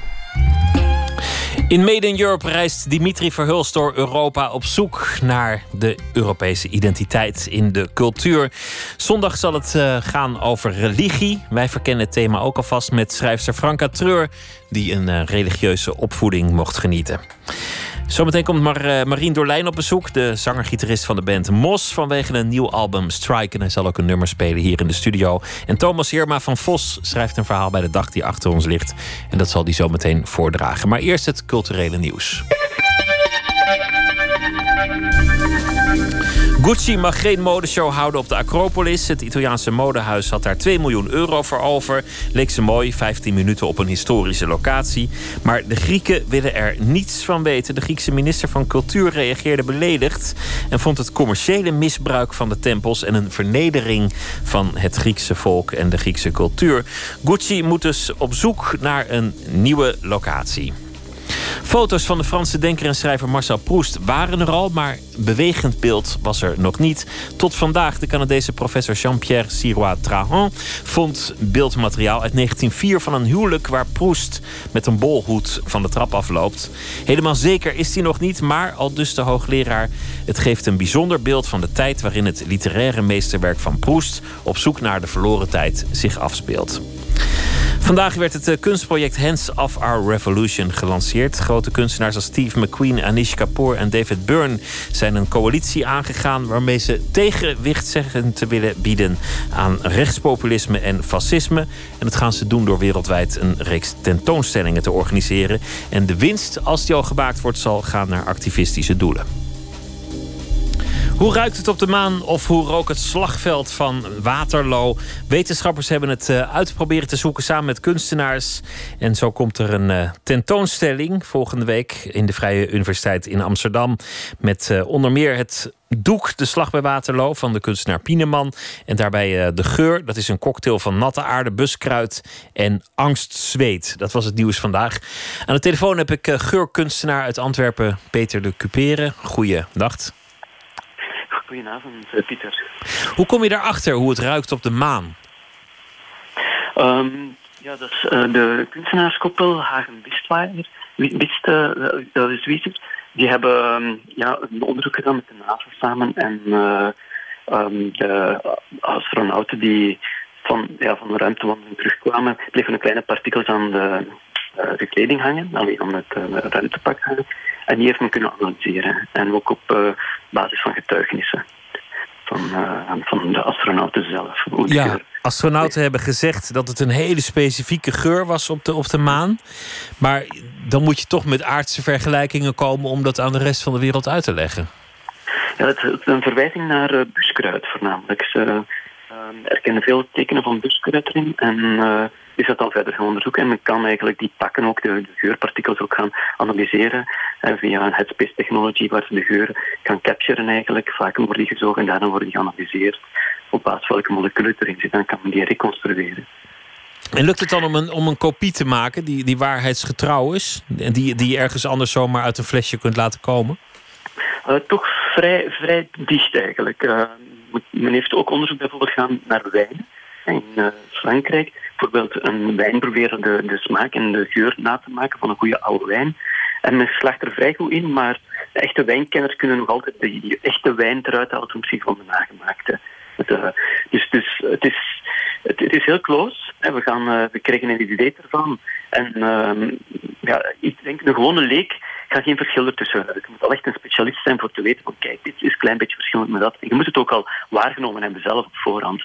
En ja, dat kun je natuurlijk niet op de maan. Dus, uh, maar het is, het is een fantastische, heel boeiende geur.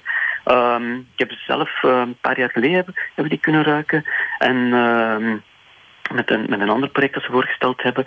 En ja, het is, het, het is echt een unieke belevenis. Echt een moeite voor iets niet dat je zomaar kunt meemaken eigenlijk. Het is echt de, de bedoeling dat de mensen ook echt gaan kijken naar de tentoonstelling, maar vooral gaan ruiken daarvoor, die geur gaan te ervaren eigenlijk. Ja, waarom gebeurt dat niet vaker, een geurtentoonstelling? Dat is een duivels goed idee. Uh, het is aan het opkomen. De, de, vraag naar het gebruik van de lagere zintuigen is, is echt aan het escaleren. Als ik vergelijk, zelf ben ik twintig jaar bezig met geur en maak kunst met geur.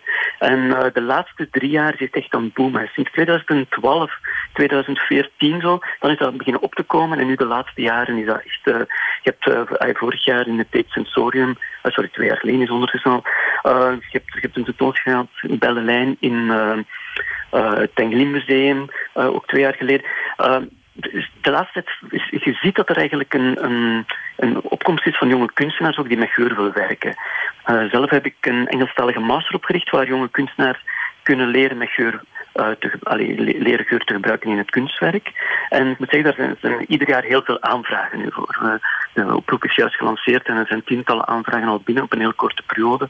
En je merkt dat er interesse echt is, dat de jonge kunstenaars er willen mee aan de slag gaan.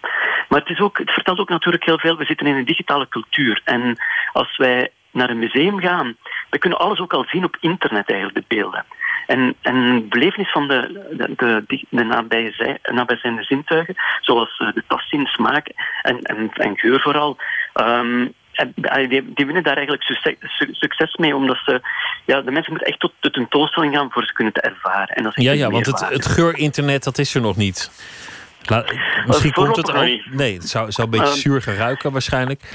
Um, het is uh, vanaf uh, volgende week dus te zien uh, aan de Vrije Universiteit in Amsterdam. Dank voor dit moment, Peter de Cupere, geur, geurkunstenaar. En ik wens u heel veel succes met uw verdere werk. Dank u wel.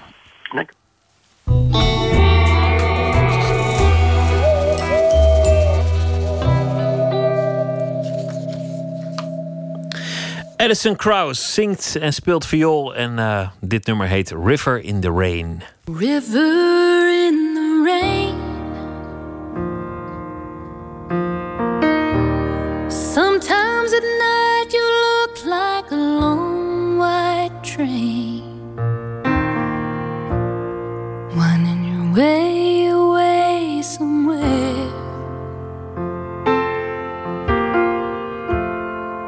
River, I love you, don't you care? Well, if you're on the run, winding someplace just trying to find the sun. Whether the sunshine, whether the rain.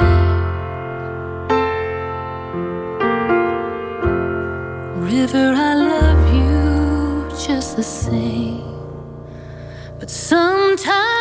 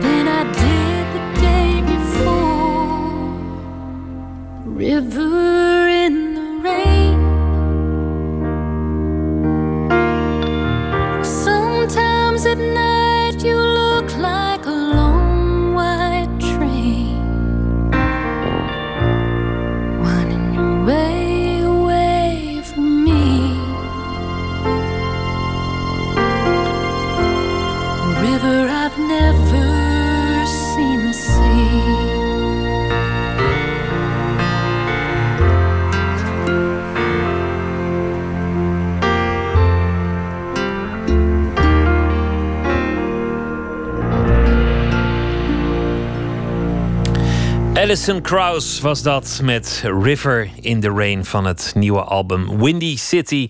Dat slaat op Chicago. Nooit meer slapen.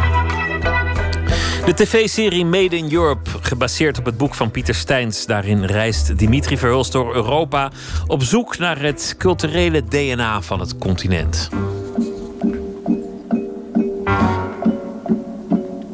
Europa worstelt met een identiteitscrisis. Ga met mij mee door ons werelddeel en ontdek hoe kunst laat zien wie we zijn. Niet het Europa van bureaucraten en bankiers. Niet het Europa van de sceptici, maar het Europa dat leeft in de boeken die we lezen, de films die we kijken, de muziek die we luisteren. Een continent van idealen, van theater. Als ergens de Europese ziel huist, is het misschien daar. Made in Europe. De kunst die ons bindt. In de eerste aflevering afgelopen week einde ging het over de rebellie langs Pippi Langkous en Jacques Brel en de punk. En dit keer gaat het over religie. Al in de 19e eeuw zei Nietzsche dat Europa God dood had verklaard. En sindsdien hebben kunstenaars in Europa een nieuwe verhouding gezocht met de religie, balancerend tussen traditie en spot. Franka Treur, die zelf afstand nam van het geloof van haar jeugd, bekeek met Matthijs Deen alvast de aflevering over religie. Now you listen here. He's not the Messiah. He's a very naughty boy. Now go away. I'm his mother, that's who. Als er iets duidelijk wordt in zondags aflevering van Made in Europe, is het dat Europa een heel eigen manier ontwikkeld heeft om met religie om te gaan. Het is een bron geworden als alle andere. Je kan het gebruiken zoals je wil. Als Ernst de Reiziger muziek maakt voor een film over prehistorische grottekeningen, dan hoor je daar de traditie van de kerkmuziek. Look, you've got it all wrong. You don't need to follow me. You don't Als Monty Python een film maakt over het leven van Brian, all individual. Yes. als Gerard Reven God zelf aan het woord laat, Want weet je wat ik ook zo fijn vind van die kloeke boeken van je? Dat je nog zo aardig over mij schrijft ook. En, en over mijn moeder zulke lieve dingen schrijft. Nou, ik ben blij dat u er zo over denkt. Want daar beneden op aarde zijn ze het echt niet altijd met u eens hoor. Als u dat soms dacht. dan zie je dat God in Europa een ernstige concurrent naast zich moet dulden. Namelijk die van het individu, van de kritische geest, van de kunstenaar die zich niet meer richt naar de schepper alleen, maar zelf een schepper is geworden. Dat kan alleen maar omdat voor ons religie niet meer het alomvattende oriëntatiepunt is. En dat we gewoon heel veel oriëntatiepunten nu hebben. Dit is de schrijfster Franka Treur. Opgegroeid in een Zeeuws-protestantse familie en dus in een wereld waar God overal was en alles in de gaten hield. En dat, dat het niet meer het alomvattende oriëntatiepunt is, is precies de reden waarom je er grappen over kunt maken. Eh, bij ons thuis bijvoorbeeld werden wel eh, grappen gemaakt over ouderlingen. Dat kon wel. Maar niet over de Bijbel. Eh, ja, do, dominees wel, maar niet over Jezus. Niet, niet over God. Want we geloven niet meer in dat, in dat totalitaire. In dat, dat, dat systeem wat helemaal geen, ehm, geen kritiek verdragen kan. Omdat er dus andere oriëntatiepunten zijn die wel kritiek op elkaar geven. Dus de wetenschap geeft kritiek op de, op de godsdienst, de kunsten doen dat. Eh, eh, daardoor is de, de, de almacht gebroken, zou ik maar zeggen. Dus, dus daarom kan dat. En ik denk, ja, dat, dat, is, dat is, met de moderniteit is, dat, is die mogelijkheid er gekomen. De moderniteit die in de kern Europees is. Ja. Jullie vragen mij waar God is. zal het jullie vertellen. Wij hebben hem gedood. Jullie, ik, wij allemaal zijn moordenaars. Maar hoe hebben wij dit kunnen doen? Hoe hebben wij de zee kunnen leegdrinken? Wie gaf ons de spons om de horizon mee weg te vegen? Wat de serie doet, is uh, om dit betoog te ondersteunen... Het, het, zwarte vierkant van Malevich laten zien. En de uitspraak van Malevich, um, gecombineerd met Nietzsche... Hè, we hebben God vermoord, God is dood. En uh, Malevich, dat heeft in ons een donkere, godvormige plek achtergelaten. Een leegte die wij moeten vullen met kunst. Ja. Ja, niet iedereen heeft daar even sterk behoefte aan, maar ik voel het zelf heel sterk. Dat, dat, er, dat er iets voor in de plek moet komen. Omdat het, het, uh, als je, als je uh, opgegroeid bent met, met het idee dat. Uh, ja, hoe moet ik dat nou zeggen? God heeft natuurlijk altijd een, een, zo'n belangrijke plek in je leven gehad. Dat daardoor je, je eigen bestaan belangrijker werd gemaakt. Je werd daardoor als mens, omdat je in zo'n belangrijk iemand als God gelooft, of dat, dat God zo'n belangrijke plek in jouw leven inneemt, werd je zelf ook belangrijk van. Dus als, als gelovige word je ook, heb je een, een gevoel van. Ja, je doet, het doet ertoe dat je er bent. En, en precies dat is weg als je God dood verklaart. Je maakte onderdeel van een allesomvattend verhaal. Ja. Je stapt uit dat, je loopt uit dat verhaal. Maar ja, wie ben je dan nog? Exact, je, blijf, je bent niks meer. En nu, ik vind dat altijd heel ironisch, omdat ik ben opgegroeid in een verhaal waarin je überhaupt als mens al niks was. Je was eigenlijk al geboren als brandhout voor de hel. En uh, dat, dat, dus eigenlijk kan het niet erger worden. En toch is er dat gemist. En dat is toch iets heel raars. De aanwezigheid van de Heere God.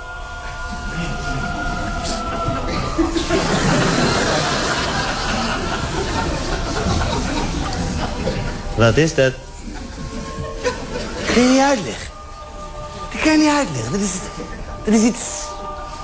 Dat is een gevoel. Dat is een gevoel. Dat kan niet... Je... Christus. Ik kan niet uitleggen. Is... Je kan niet... Je kan niet uitleggen. Het is een gevoel. Je kan niet... En het idee van onsterfelijkheid is natuurlijk ook vaak met literatuur verbonden. Het blijft voortbestaan als ik er niet meer ben. Dat heeft wel religieuze trekken. Ja, maar dat, voor mij gaat het niet verder dan, dan waar ik het eerder al over had. Dat je, dat het, je gaat om jezelf bijzonder voelen. Het is gewoon heel, een heel naar idee dat het echt niet toe doet dat je, dat je er bent geweest. Dus dat, voordat je geboren werd, was niemand, had niemand op je te wachten. En nadat je bent gegaan, zullen niet veel mensen je missen. Dat is, dat is heel akelig als je, daar, uh, als je dat goed beseft. En dus is dat een reden om. Dat is een van de redenen waarom je jezelf gaat uitdrukken, denk ik. You know?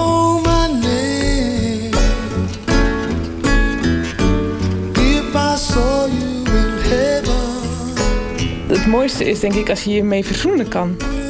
Dat het zo, dat, ja, dat het zo is. Dat, je, dat het er gewoon allemaal niet toe doet. Ik geloof toch wel dat het, dat, dat nastrevenswaardig is. Dan kun je ook stoppen met schrijven. De manier waarop de religieuze erfenis de godlievende of goddeloze kunstenaars van ons werelddeel inspireert, het is een enorm thema. Voordat het christendom zijn beklemmende greep verloor, had het zich al gesplitst in tal van subwaarheden, die ieder weer hun eigen spoor en protest hebben opgeroepen. Maar in dat landschap van scherven staat het de kunstenaars van ons continent vrij, en dat heeft iedereen gemeen, om ermee te doen wat hem of haar goeddunkt. Toen ik vanuit het protestante noorden afdaalde naar Gent, naar Vlaanderen en daar met de schrijver Erwin Mortier de kerk van zijn jeugd binnenstapte, werd duidelijk dat ook de man die niet meer kerkt nog steeds op zijn eigen manier de erfenis gebruikt. Niet zozeer om zich tegen af te zetten, maar om uit te putten. Ja, ja, ik heb, eh, ik, ik heb lang ook uh, voorgelezen uit het evangelie. Dat vond ik geweldig om in zo'n dienst die voor de rest toch vrij saai is. Dan mocht je dan in die koorbank daarvoor aan gaan zitten. Dan ben ik later toch wel die, die Bijbel nog opnieuw gaan lezen. Als je dan toch die, die kracht ziet van die beelden die gebruikt worden in, in, in het boekje op bijvoorbeeld. Dat is puur poëzie. In de psalmen, ehm, in het hooglied. ehm, ja, dan, wordt, dan hoor je toch een taal, eh, zoals Gerard Streven zegt, die zich ruisend verheft. En ik ben ook altijd heel gevoelig geweest voor, voor de muziek, voor de, voor de taal van de muziek en voor ehm, ritme en ademen en intonatie. eh. dat probeer ik toch ook in mijn zinnen en in mijn werk binnen te zuigen. eh, vanuit een soort jaloezie op die eh, kracht van de muziek. Ja. Taal heeft toch ook klankkleuren, heeft muziek, heeft toch eh, extra linguïstische eh, eigenschappen eh, die ik, waar ik ook heel graag mee speel en de liefde mee bedrijf als ik aan het schrijven ben. En wat dan ook heel vaak boven de rivieren op een soort weerstand stuit. Omdat jullie zijn heel erg naar, naar het woord gericht. en nog altijd een beetje beeldenstormers gebleven, denk ik. Ik heb soms de indruk dat als je sommige critici en academici zou laten doen, dan branden ze de hele zaak plat. Tot er dan nog een, ja, een soort veld van sintels overschiet, waarin dan ons enige Maarten het hart overeind staat in een baljurk. Ja. Ja, ja dus je, je, kunt je, je kunt jezelf die religieuze taal toe-eigenen. Ja, dat is, de, dat is wel de verworvenheid van de moderniteit. Wat is dat dan, de moderniteit? Ja, als, mijn eerste associatie is vrijheid. Dus ehm, nou, in, mijn persoonlijke situatie kwam ik eigenlijk in een wereld terecht. Nadat ik afscheid had genomen van het geloof, die veilig was. En dat had ik gewoon niet verwacht. Er, er was niemand die zei van nu. eh, als je dit soort dingen zegt, eh, kom je in de gevangenis. nou, nou ja, dat is nu om te lachen. Maar er zijn natuurlijk culturen waarin dat wel gebeurt. En waarin eh, eh, afvalligen niet zo heel erg eh, zeker zijn van hun leven. Het kan zo, ik, wil- ik wil eigenlijk zeggen dat het ook zomaar in Europa weer anders kan zijn. Het is niet een verworvenheid die we nu eenmaal hebben en die er altijd zal zijn. Nee, dat is wel iets wat je bewaken moet, denk ik. Het is niet iets wat, wat, wat, wat een gegeven is. Het is, het is iets waar we ons van bewust moeten zijn, denk ik.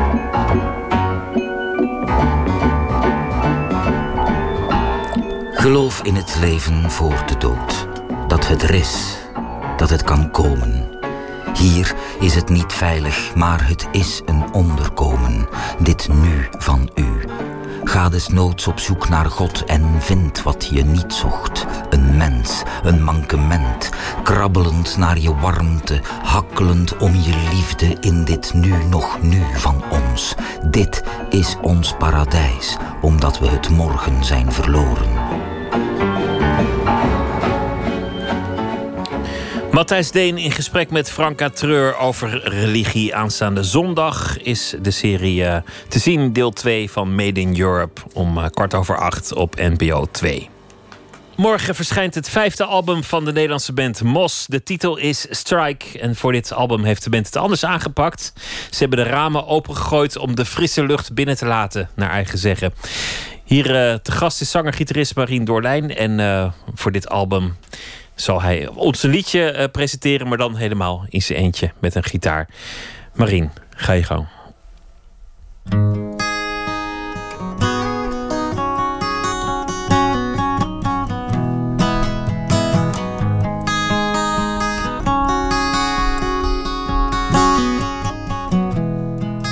When it feels right, you know. I can never let it wait. Cause when it feel, feels right, it proves it tends to go away. So never go, never go away. She's right, it. Promise me don't disappear. Cause when it feel, feels right, show you. Don't wanna live in made of fear. I won't go. I won't go away. So never go. Never go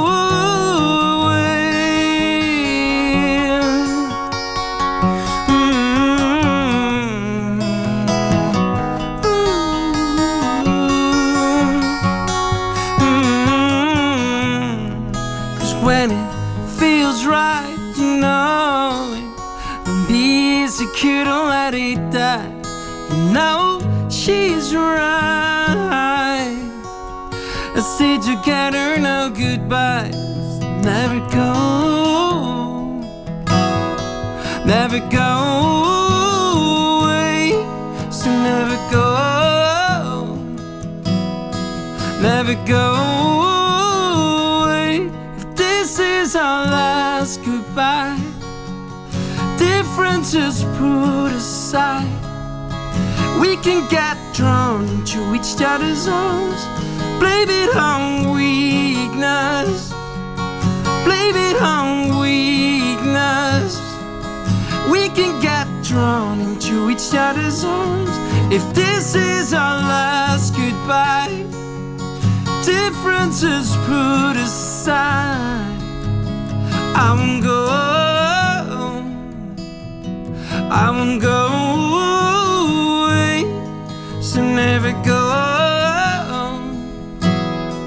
Never go away. Hier in de studio Marien Dorlijn, de zanger van de band Mos... met de nieuwe single en ook het openingsnummer van het album eh, Strike. Marien, kom zitten voor eh, de rubriek Open Kaart. Open kaart. Het concept is bekend, een bak met 150 vragen over werk en leven. En te gast is Marien Dorlijn van eh, de band Mos. Begon in 1999 toen hij eh, als soloartiest de Grote Prijs van Nederland won. Speelde een tijd bij de band Caesar. In 2003 vormde hij de band Mos. En dit is het eh, vijfde album van de band. Hartelijk welkom, Marien Dankjewel. Dorlijn. Jullie, jullie hebben een, een aantal omzwervingen gehad. Eh, alle muzikanten hebben omzwervingen gehad. Jij in, Ja. het, in het bijzonder. Ja. Mos is terug, maar in een, in een wat andere bezetting dan, dan, eh, dan jullie ooit eh, zijn begonnen. En jullie hebben het anders aangepakt. Wat is het wezenlijke verschil? Nou, het wezenlijk verschil is dat ehm, ehm, normaal beginnen met je band in een oefenruimte aan liedjes te werken en die verder uit te werken. En voor deze keer eh, heb ik mezelf eigenlijk gewoon opgesloten in, in dit geval in Kaitopia in Utrecht. Eh, dat is een eh, collectief van, Van Kiteman? Ja. En dat beviel enorm. Dat, ik heb, dat was echt gewoon van 9 tot 5 eh, eh, gewoon een dayjob schrijven. En ehm, dat had ik nog nooit, had ik nog nooit eerder gedaan. Nou, dat was voor mij echt het wezenlijk verschil. Dus gewoon gaan zitten, gaan schrijven. En voorheen kwamen liedjes eigenlijk altijd wanneer ze kwamen. En dan moest ik dat een beetje een soort oplossen. Dat ik dat maar goed moest onthouden. Of opschrijven. Nou, ja, opschrijven eigenlijk niet, daar ben ik al slecht in. Maar meer eh, inzingen in mijn telefoon of zo. En, ehm, En nu ja, ging je echt moedwillig zitten van... oké, vandaag gaat er een liedje komen. Ja. Kon, kon je dat zo forceren, dat er een liedje kwam? De eerste twee maanden niet, want dat, dat- toen kwamen de muren op me af en er gebeurde helemaal niks. En ik dacht echt van, doe ik hier, wat doe ik hier? En ik, eh, ik werd echt... eh, ik werd er een beetje, nou niet depressief van, maar wel een beetje zwaarmoedig van. En ik weet het nog goed, eh, januari 2015, eh, ik was gewoon... Kerst hadden we gehad, oud en nieuw hadden we gehad. Eh, volgens mij had, had ik nog een weekje vrijgenomen. En toen begon ik weer en toen ging de kraan open. Echt bizar. En, en ik heb echt in drie maanden tijd gewoon die plaat geschreven. En eh, dat is... Ik heb nog nooit meegemaakt in mijn leven. Ook, weet je, wel, ik bedoel, ook om dit is ook weer je vijfde plaat. Dus onderhand denk je van dat je het wel weet hoe het werkt. En, en hoe dingen gaan. Met, maar, ik, Maar het kan ook anders. Nou ja, jezelf, jezelf. Ik verbaas mezelf gewoon toch wel over dingen. Over hoe, hoe, wat voor manieren je kan. kan ehm, hoe je jezelf gewoon. oh, Maar ook hoe je jezelf eh, eh, nog kan prikkelen eh, met muziek maken. Dat is super belangrijk. Weet je? Want zo na 2014 had ik eigenlijk al niet meer zo heel veel zin. om misschien nog met die band door te gaan. En ehm, eh, dat kwam door, ook door, bezet, door bezetting, wisselingen en dat soort dingen. Maar. Ehm, uiteindelijk heeft het zich gevormd tot wat het nu is. En ook mede door Arne Verbetegem. Ehm, hij is een Belg. Hij, heeft, hij ma- maakt eigenlijk ook wel eh, meer elektronische muziek. Maar via eh, Excelsior, mijn label, ehm, ehm, platenlabel, eh, zijn we met hem in contact gekomen. En ehm, dat En was ook iets. Iemand toelaten binnen de kring waar je, waar je al, al bijna 13 jaar mee speelt. Dat is best het eigenlijk een beetje uit handen geven voor, voor zover de productie Ja, betreft. zeker, Want, ja. want je bent een bandje, je kunt het gewoon zo mooi mogelijk op band zetten, maar je kunt ook een, een apart iets maken van, van, van de productie. Hoe neem je het op? En dat dan ook nog aan iemand min of meer overlaten. Kijk, ik vind alle facetten van muziek maken te gek. Van het schrijven tot, want ik produceer ook en ik neem ook op. Dus ik, weet je wel, ik, ik heb ook wel een idee hoe het werkt. En dat, dat denk ik dan. Maar gewoon weer een bandje zijn en jezelf laten, laten verrassen. Dus eigenlijk gewoon in dit geval, eh, Arne zei van, eh, nou, in Antwerpen, nou, je hebt Deus en Deus heeft een ruimte en Deus doet op dit moment niks, van die ruimte staat er niks te doen. En laten we daar de plaat op gaan nemen. En dat was echt zo van, ja, we kwamen binnen en eh, ehm, eh, hij eh, ging produceren. We hadden nog eh, eh, Jan Schenk, ook een zeer goede gast, heeft ook een studio. En die ging achter de knoppen, ook een Nederlander dus. En ehm, wij waren weer een bandje en het werd op rek gedrukt en we gingen spelen. En dat, dat, dat, dat was ik het, helemaal kwijt. het lijkt me ook zo eng om, om, om het uit handen te geven. Dat is ja, het. Je bent er natuurlijk bij, maar toch, je, je wil iemand ook wel eh, dat canvas geven waar die, waar die zijn, zijn kunst op kan, eh, kan uiten. Eh, het lijkt mij gewoon eng om, om iemand met jouw muziek aan de slag te laten gaan. Ja, dat is het. Ehm, dan, maar ik heb het los kunnen laten. En ook het feit, weet je, dan, dan doe je twee of drie takes en dan zegt hij ja. Dat is goed. Ja, wij gaan het volgende nummer. Weet je, we gaan het volgende nummer. En dan, dan keken we elkaar aan zo van... Oké, wat- is dit zo, weet je wel? En dan tien, tien basistracks eh, in vier dagen. Wat voor ons absoluut veel te snel is.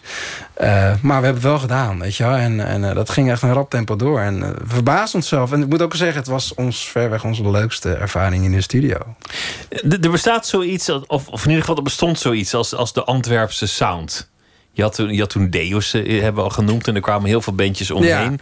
En, en, en er was wel iets van een soort geluid van de Antwerpse scene. He- Heeft, heeft dat zijn weg naar jullie ook gevonden? Is, is dat nu een van de ingrediënten van Mos? Ik las wel toevallig iets, of iemand had het erover van ja, dat liedje. Dus wel heel erg Deus-achtig. Ik denk van ja, dat heb ik een jaar daarvoor geschreven. En eh, toen was ik niet met Deus bezig. En eh, het is niet dat ik Deus niet ken, want ik heb eh heus wel misschien wel wat platen van ze, maar. Ehm, Maar misschien meer in opvatting van, van, van geluid en, en productie dan de aanpak in de van, van Arne in dit geval, eh, eh, en ik weet niet of dat typisch iets Belgisch is. ehm, eh, er zat wel een soort van. Hij is wel wat. Ik vond de, de muziek wat gepolijster. En ik, ik wil niet zeggen dat Belgische muziek polij- gepolijst is, dat helemaal niet. Ik vond het wel iets gepolijster dan wat ik normaal naar mijn smaak zou doen. Maar ik heb het laten gebeuren. En dat is, dat is, wel, is dat een bepaald Belgische. Ja, het is ook wel een soort smaakding. Weet je wel? En, en dat is moeilijk om te zeggen of dat. ehm, Belgische sound is. Ik bedoel, natuurlijk, de plek waar we opgenomen bij Deus. ehm, is dan een soort van. Daar zit, hangt wel een soort van magie. Weet je wel, rond. En, en, en de ruimte is de ruimte en die heeft een bepaalde sound. En ik heb daarvoor ook nog even geluisterd naar. eh, in dit geval de, de eerste plaat die daar is opgenomen is Vantage Point. Want het heet ook de Vantage Point Studios. En zo hoe klinkt die ruimte dan? Hoe klinken de drums? Super belangrijk. Weten veel mensen niet. Dat heeft toch een soort, soort bepalend geluid voor wat de ruimte is. En ehm, kijk, natuurlijk hebben we ons een beetje om laten dompelen in het Antwerpse. En, eh, en de, die biertjes, eh, de Klaas, de violist, kwam af en toe langs en zette weer een kratje Jupiler neer. Weet je wel. Dus dat is, dat, dat- ja. Er, gebeurt, er gebeurt wel iets. Eh, eh, ehm, maar of het nou de typisch Antwerpse sound is, ik weet het niet. Ik, ik heb het maar gewoon laten gebeuren. Als het dat misschien zo is, dan zou het misschien waarschijnlijk ook wel zo kunnen zijn. Je klinkt, je klinkt in ieder geval heel blij met het album. De- de- en, en dat na een periode die je zelf omschrijft als toch een soort moeheid van ja, Ja. wat, wat, gaan we doen? Moet ik hier nog mee verder? En, en het is toch gelukt om dat weer energiek te krijgen. Zit er nu, als je terugkijkt, een, een thema in, in die plaat? Want het, het zijn dertien liedjes, Ja. die, die natuurlijk niet noodzakelijkerwijs iets met elkaar gemeen hebben. Maar is, is er een soort thema waar het album over gaat? Kan je dat ontdekken? Ik heb wel, nou, ik, ik bedoel, in, in, in de schrijfperiode, eh, eh, eh, toen ik begon, eigenlijk had ik mezelf als taak, had ik bedacht van, ik ga een hele opgewekte plaat maken. Want de platen daarvoor waren een beetje down en een beetje donker, zeg maar zwart.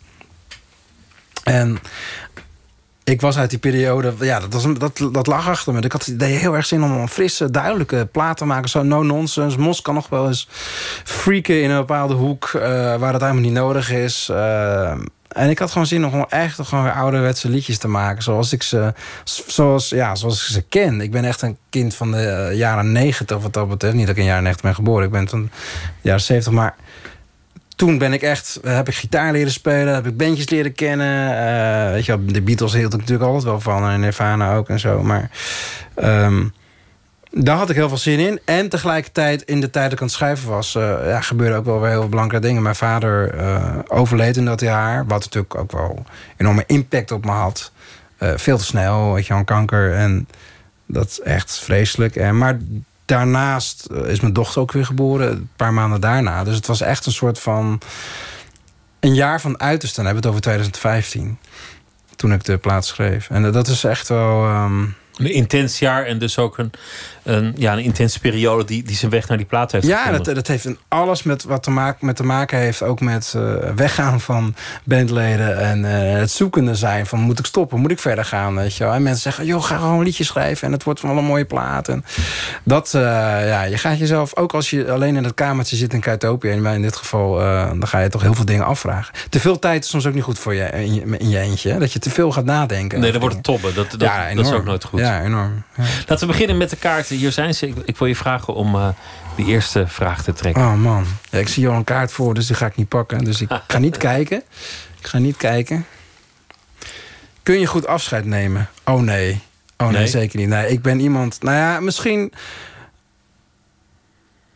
Misschien de afgelopen jaren misschien wat beter, maar.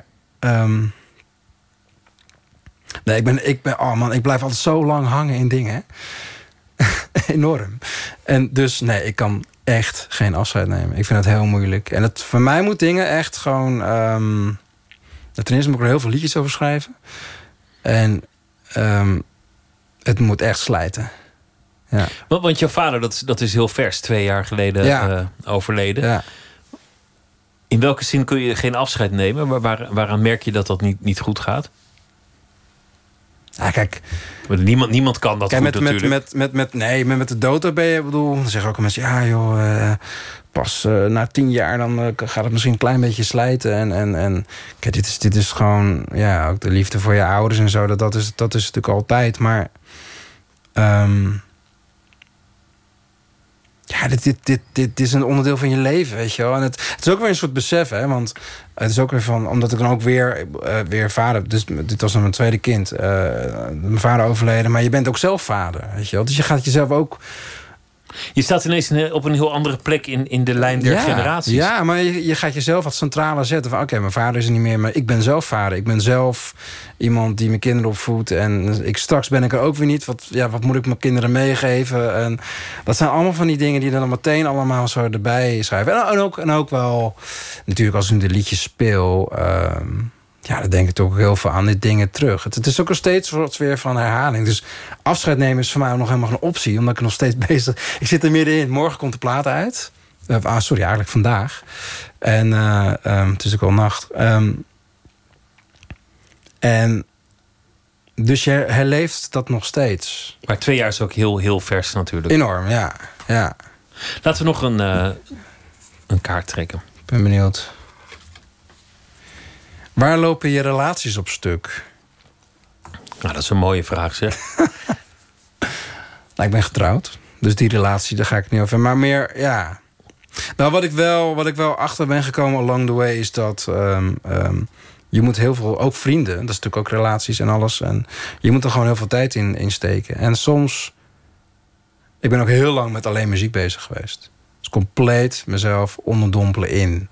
En dat zie ik ook al met mijn familie. Dat ik van Marien kon nooit in die weekenden eh, dingen afspreken of eh, verjaardag of dingen. Ik moest altijd wel spelen of ik had altijd wel altijd wel iets te doen. En ik merk ook wel zo, ja, je moet daar ook gewoon tijd voor nemen. En zeker, zeker met eh, social media. Dat, ondanks dat je je familie dan op die manier misschien ook nog wat terugziet.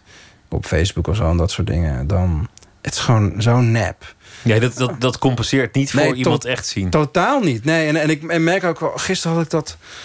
Ging ik, even, ging ik even met mijn kinderen boodschappen doen en dan ehm, ben ik mijn telefoon vergeten. Dus ik, dus ik pak zo naar mijn achterzak en zo. En ik denk van, oh ja, oh wat is dit heerlijk. Even genieten, weet je wel. En, en, eh, ehm, dus het is super belangrijk.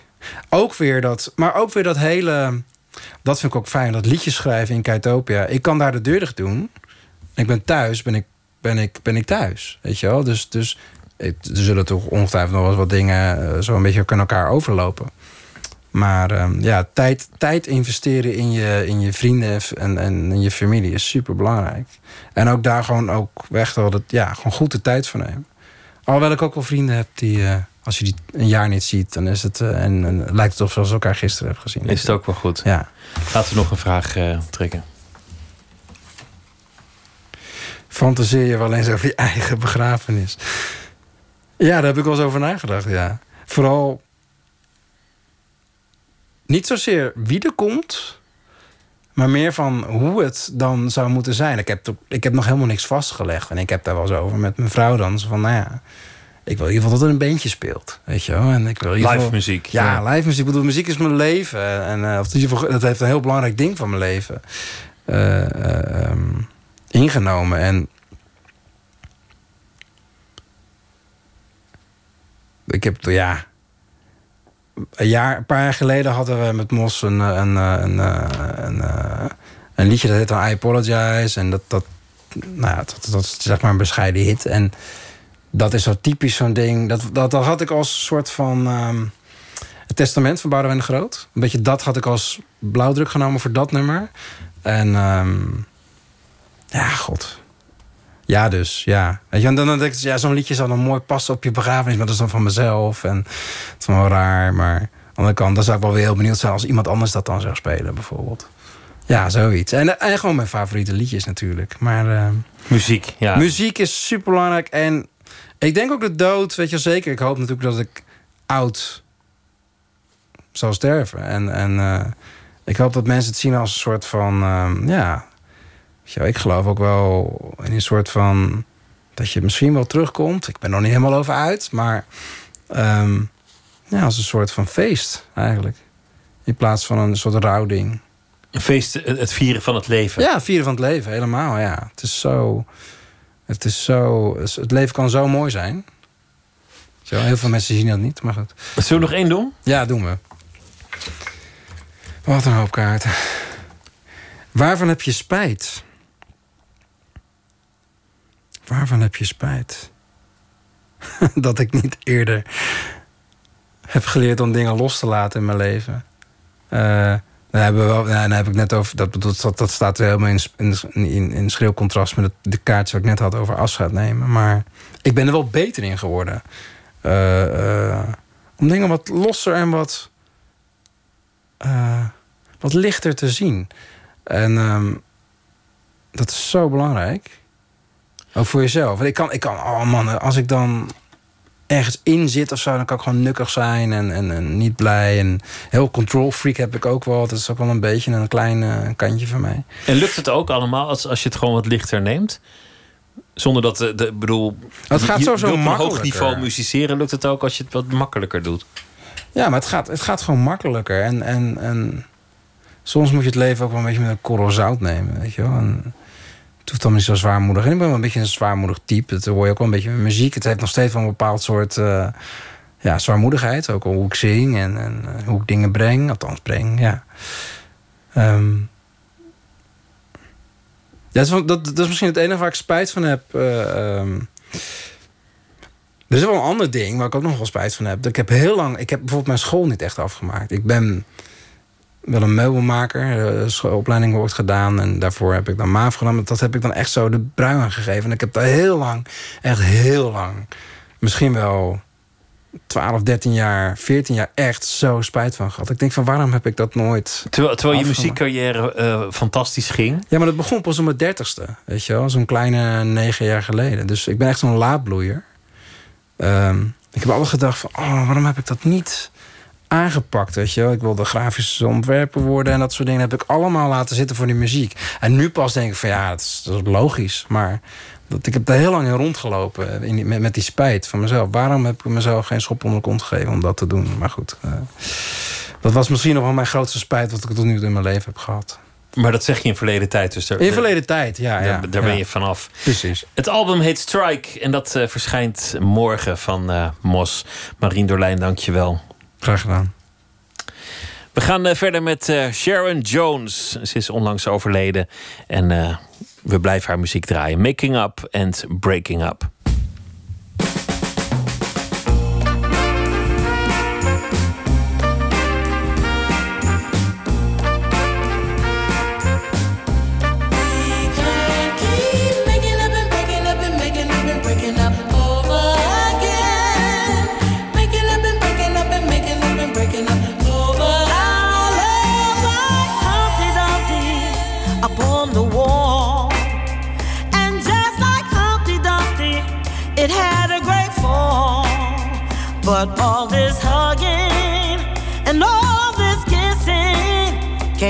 Back together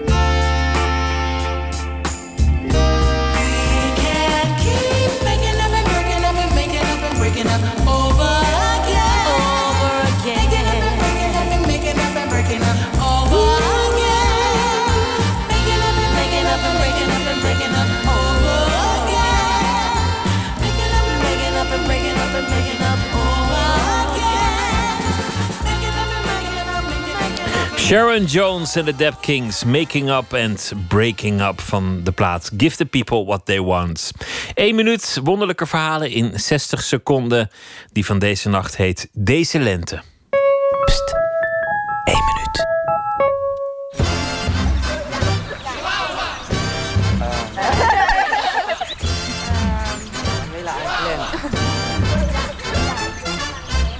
Paolo en Yusi. Oh, even. Jezus. Nee, hij back man. Mike en Stefanie. Ben je weer terug bij Steven? Ik weet, ik weet nog geen. Koen en Brenda.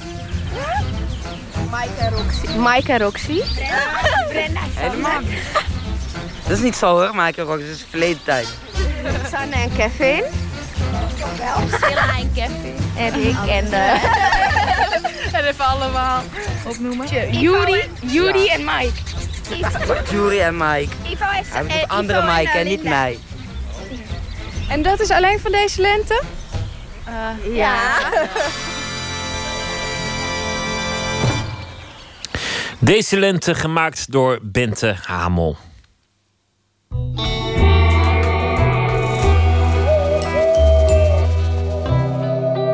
Thomas Herma van Vos is schrijver en deze week maakt hij elke nacht een eh, verhaal voor ons dat hij s'nachts voordraagt. Thomas, goeienacht. Goedenacht, Pieter. Gisteren ging het over de Amerikaanse politiek. Je zei het, eh, het houdt me toch bezig. Nou, er zijn weer tal van ontwikkelingen geweest. Waar, waar gaat het vandaag over?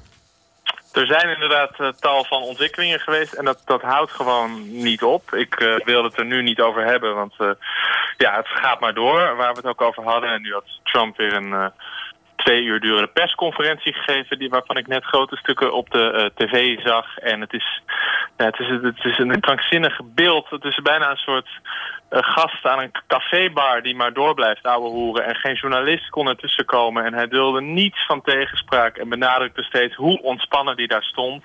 Wat op de deur natuurlijk een heel krampachtige indruk maakte. Nou ja, dat was allemaal vandaag. En die, eh, die, die, die sneeuwbal blijft maar doorrollen en het wordt maar er- heftiger. er gebeurde me iets geks vandaag. Want ik, ik liep eh, in, in het café langs zo'n krantenrek. En er stond een grote kop. En er stond NRC Handelsblad. De ondergang van Trump is ingezet, maar sleurt hij Amerika mee. En toen keek ik op de datum en toen was het een krant van oktober.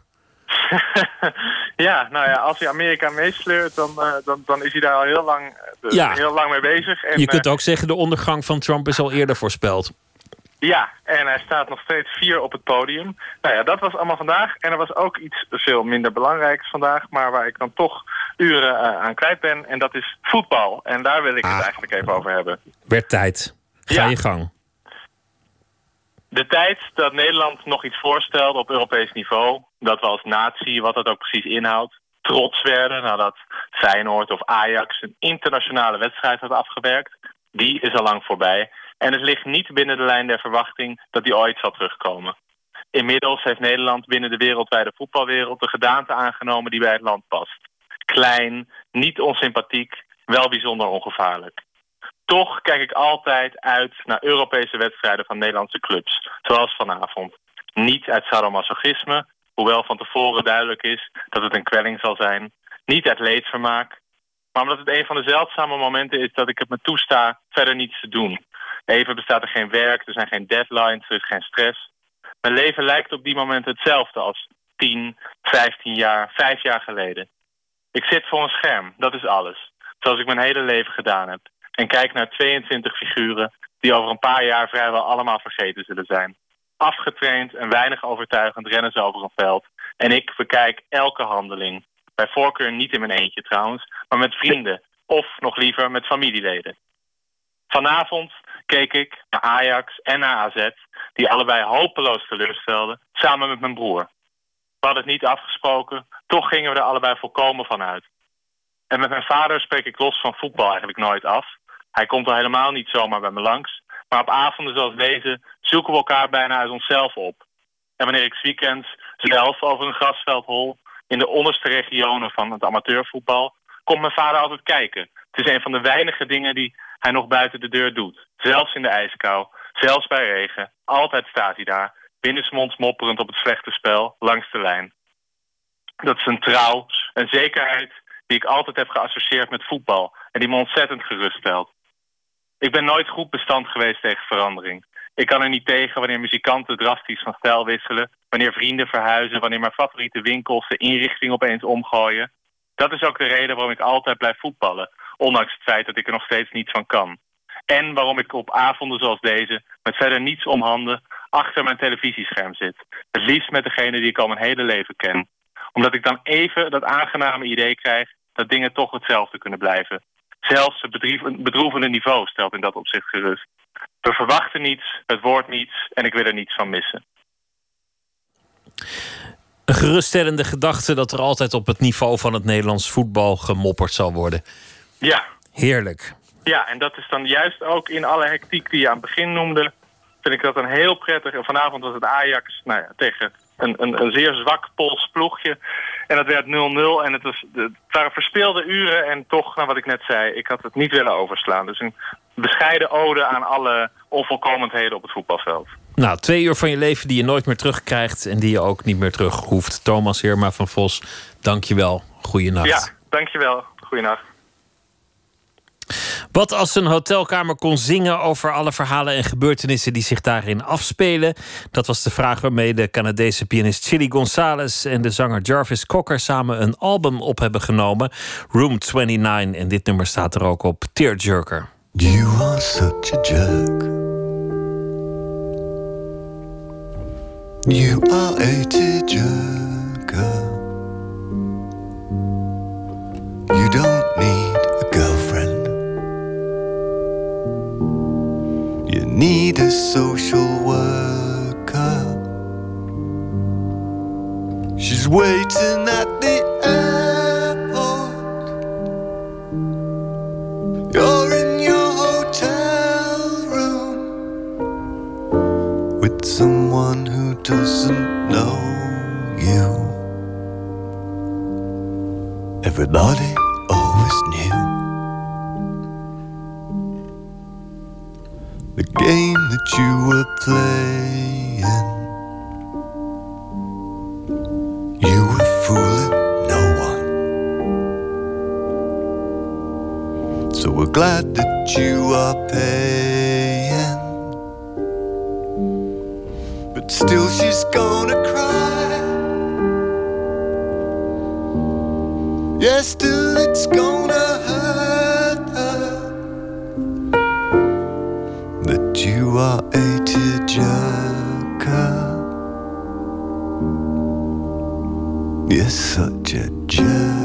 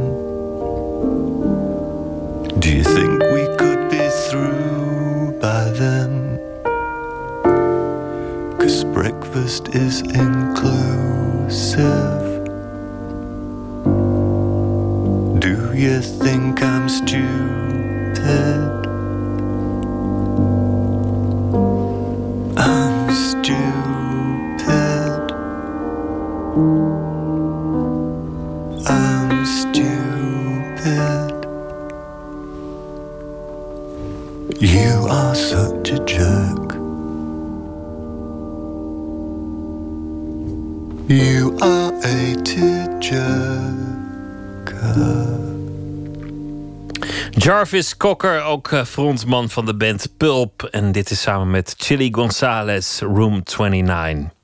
Morgen in Nooit meer slapen komt eh, dirigent Jacques van Steen op bezoek. Hij dirigeerde vele orkesten. Het Residentieorkest, het Rotterdams Philharmonisch Orkest... het Nederlands Philharmonisch Orkest. Maar ook in het buitenland. In eh, Duitsland heeft hij veel gedaan. En eh, ook in Engeland heeft hij veel gedaan. En nu is hij in Nederland en komt zodoende op bezoek... bij Esther Naomi Perquin. En morgen gaan ze praten over het leven en over de muziek. Voor nu wens ik u een hele goede nacht. En morgen een leuke dag. En ik hoop dat u morgen weer zult luisteren. Goeienacht. Op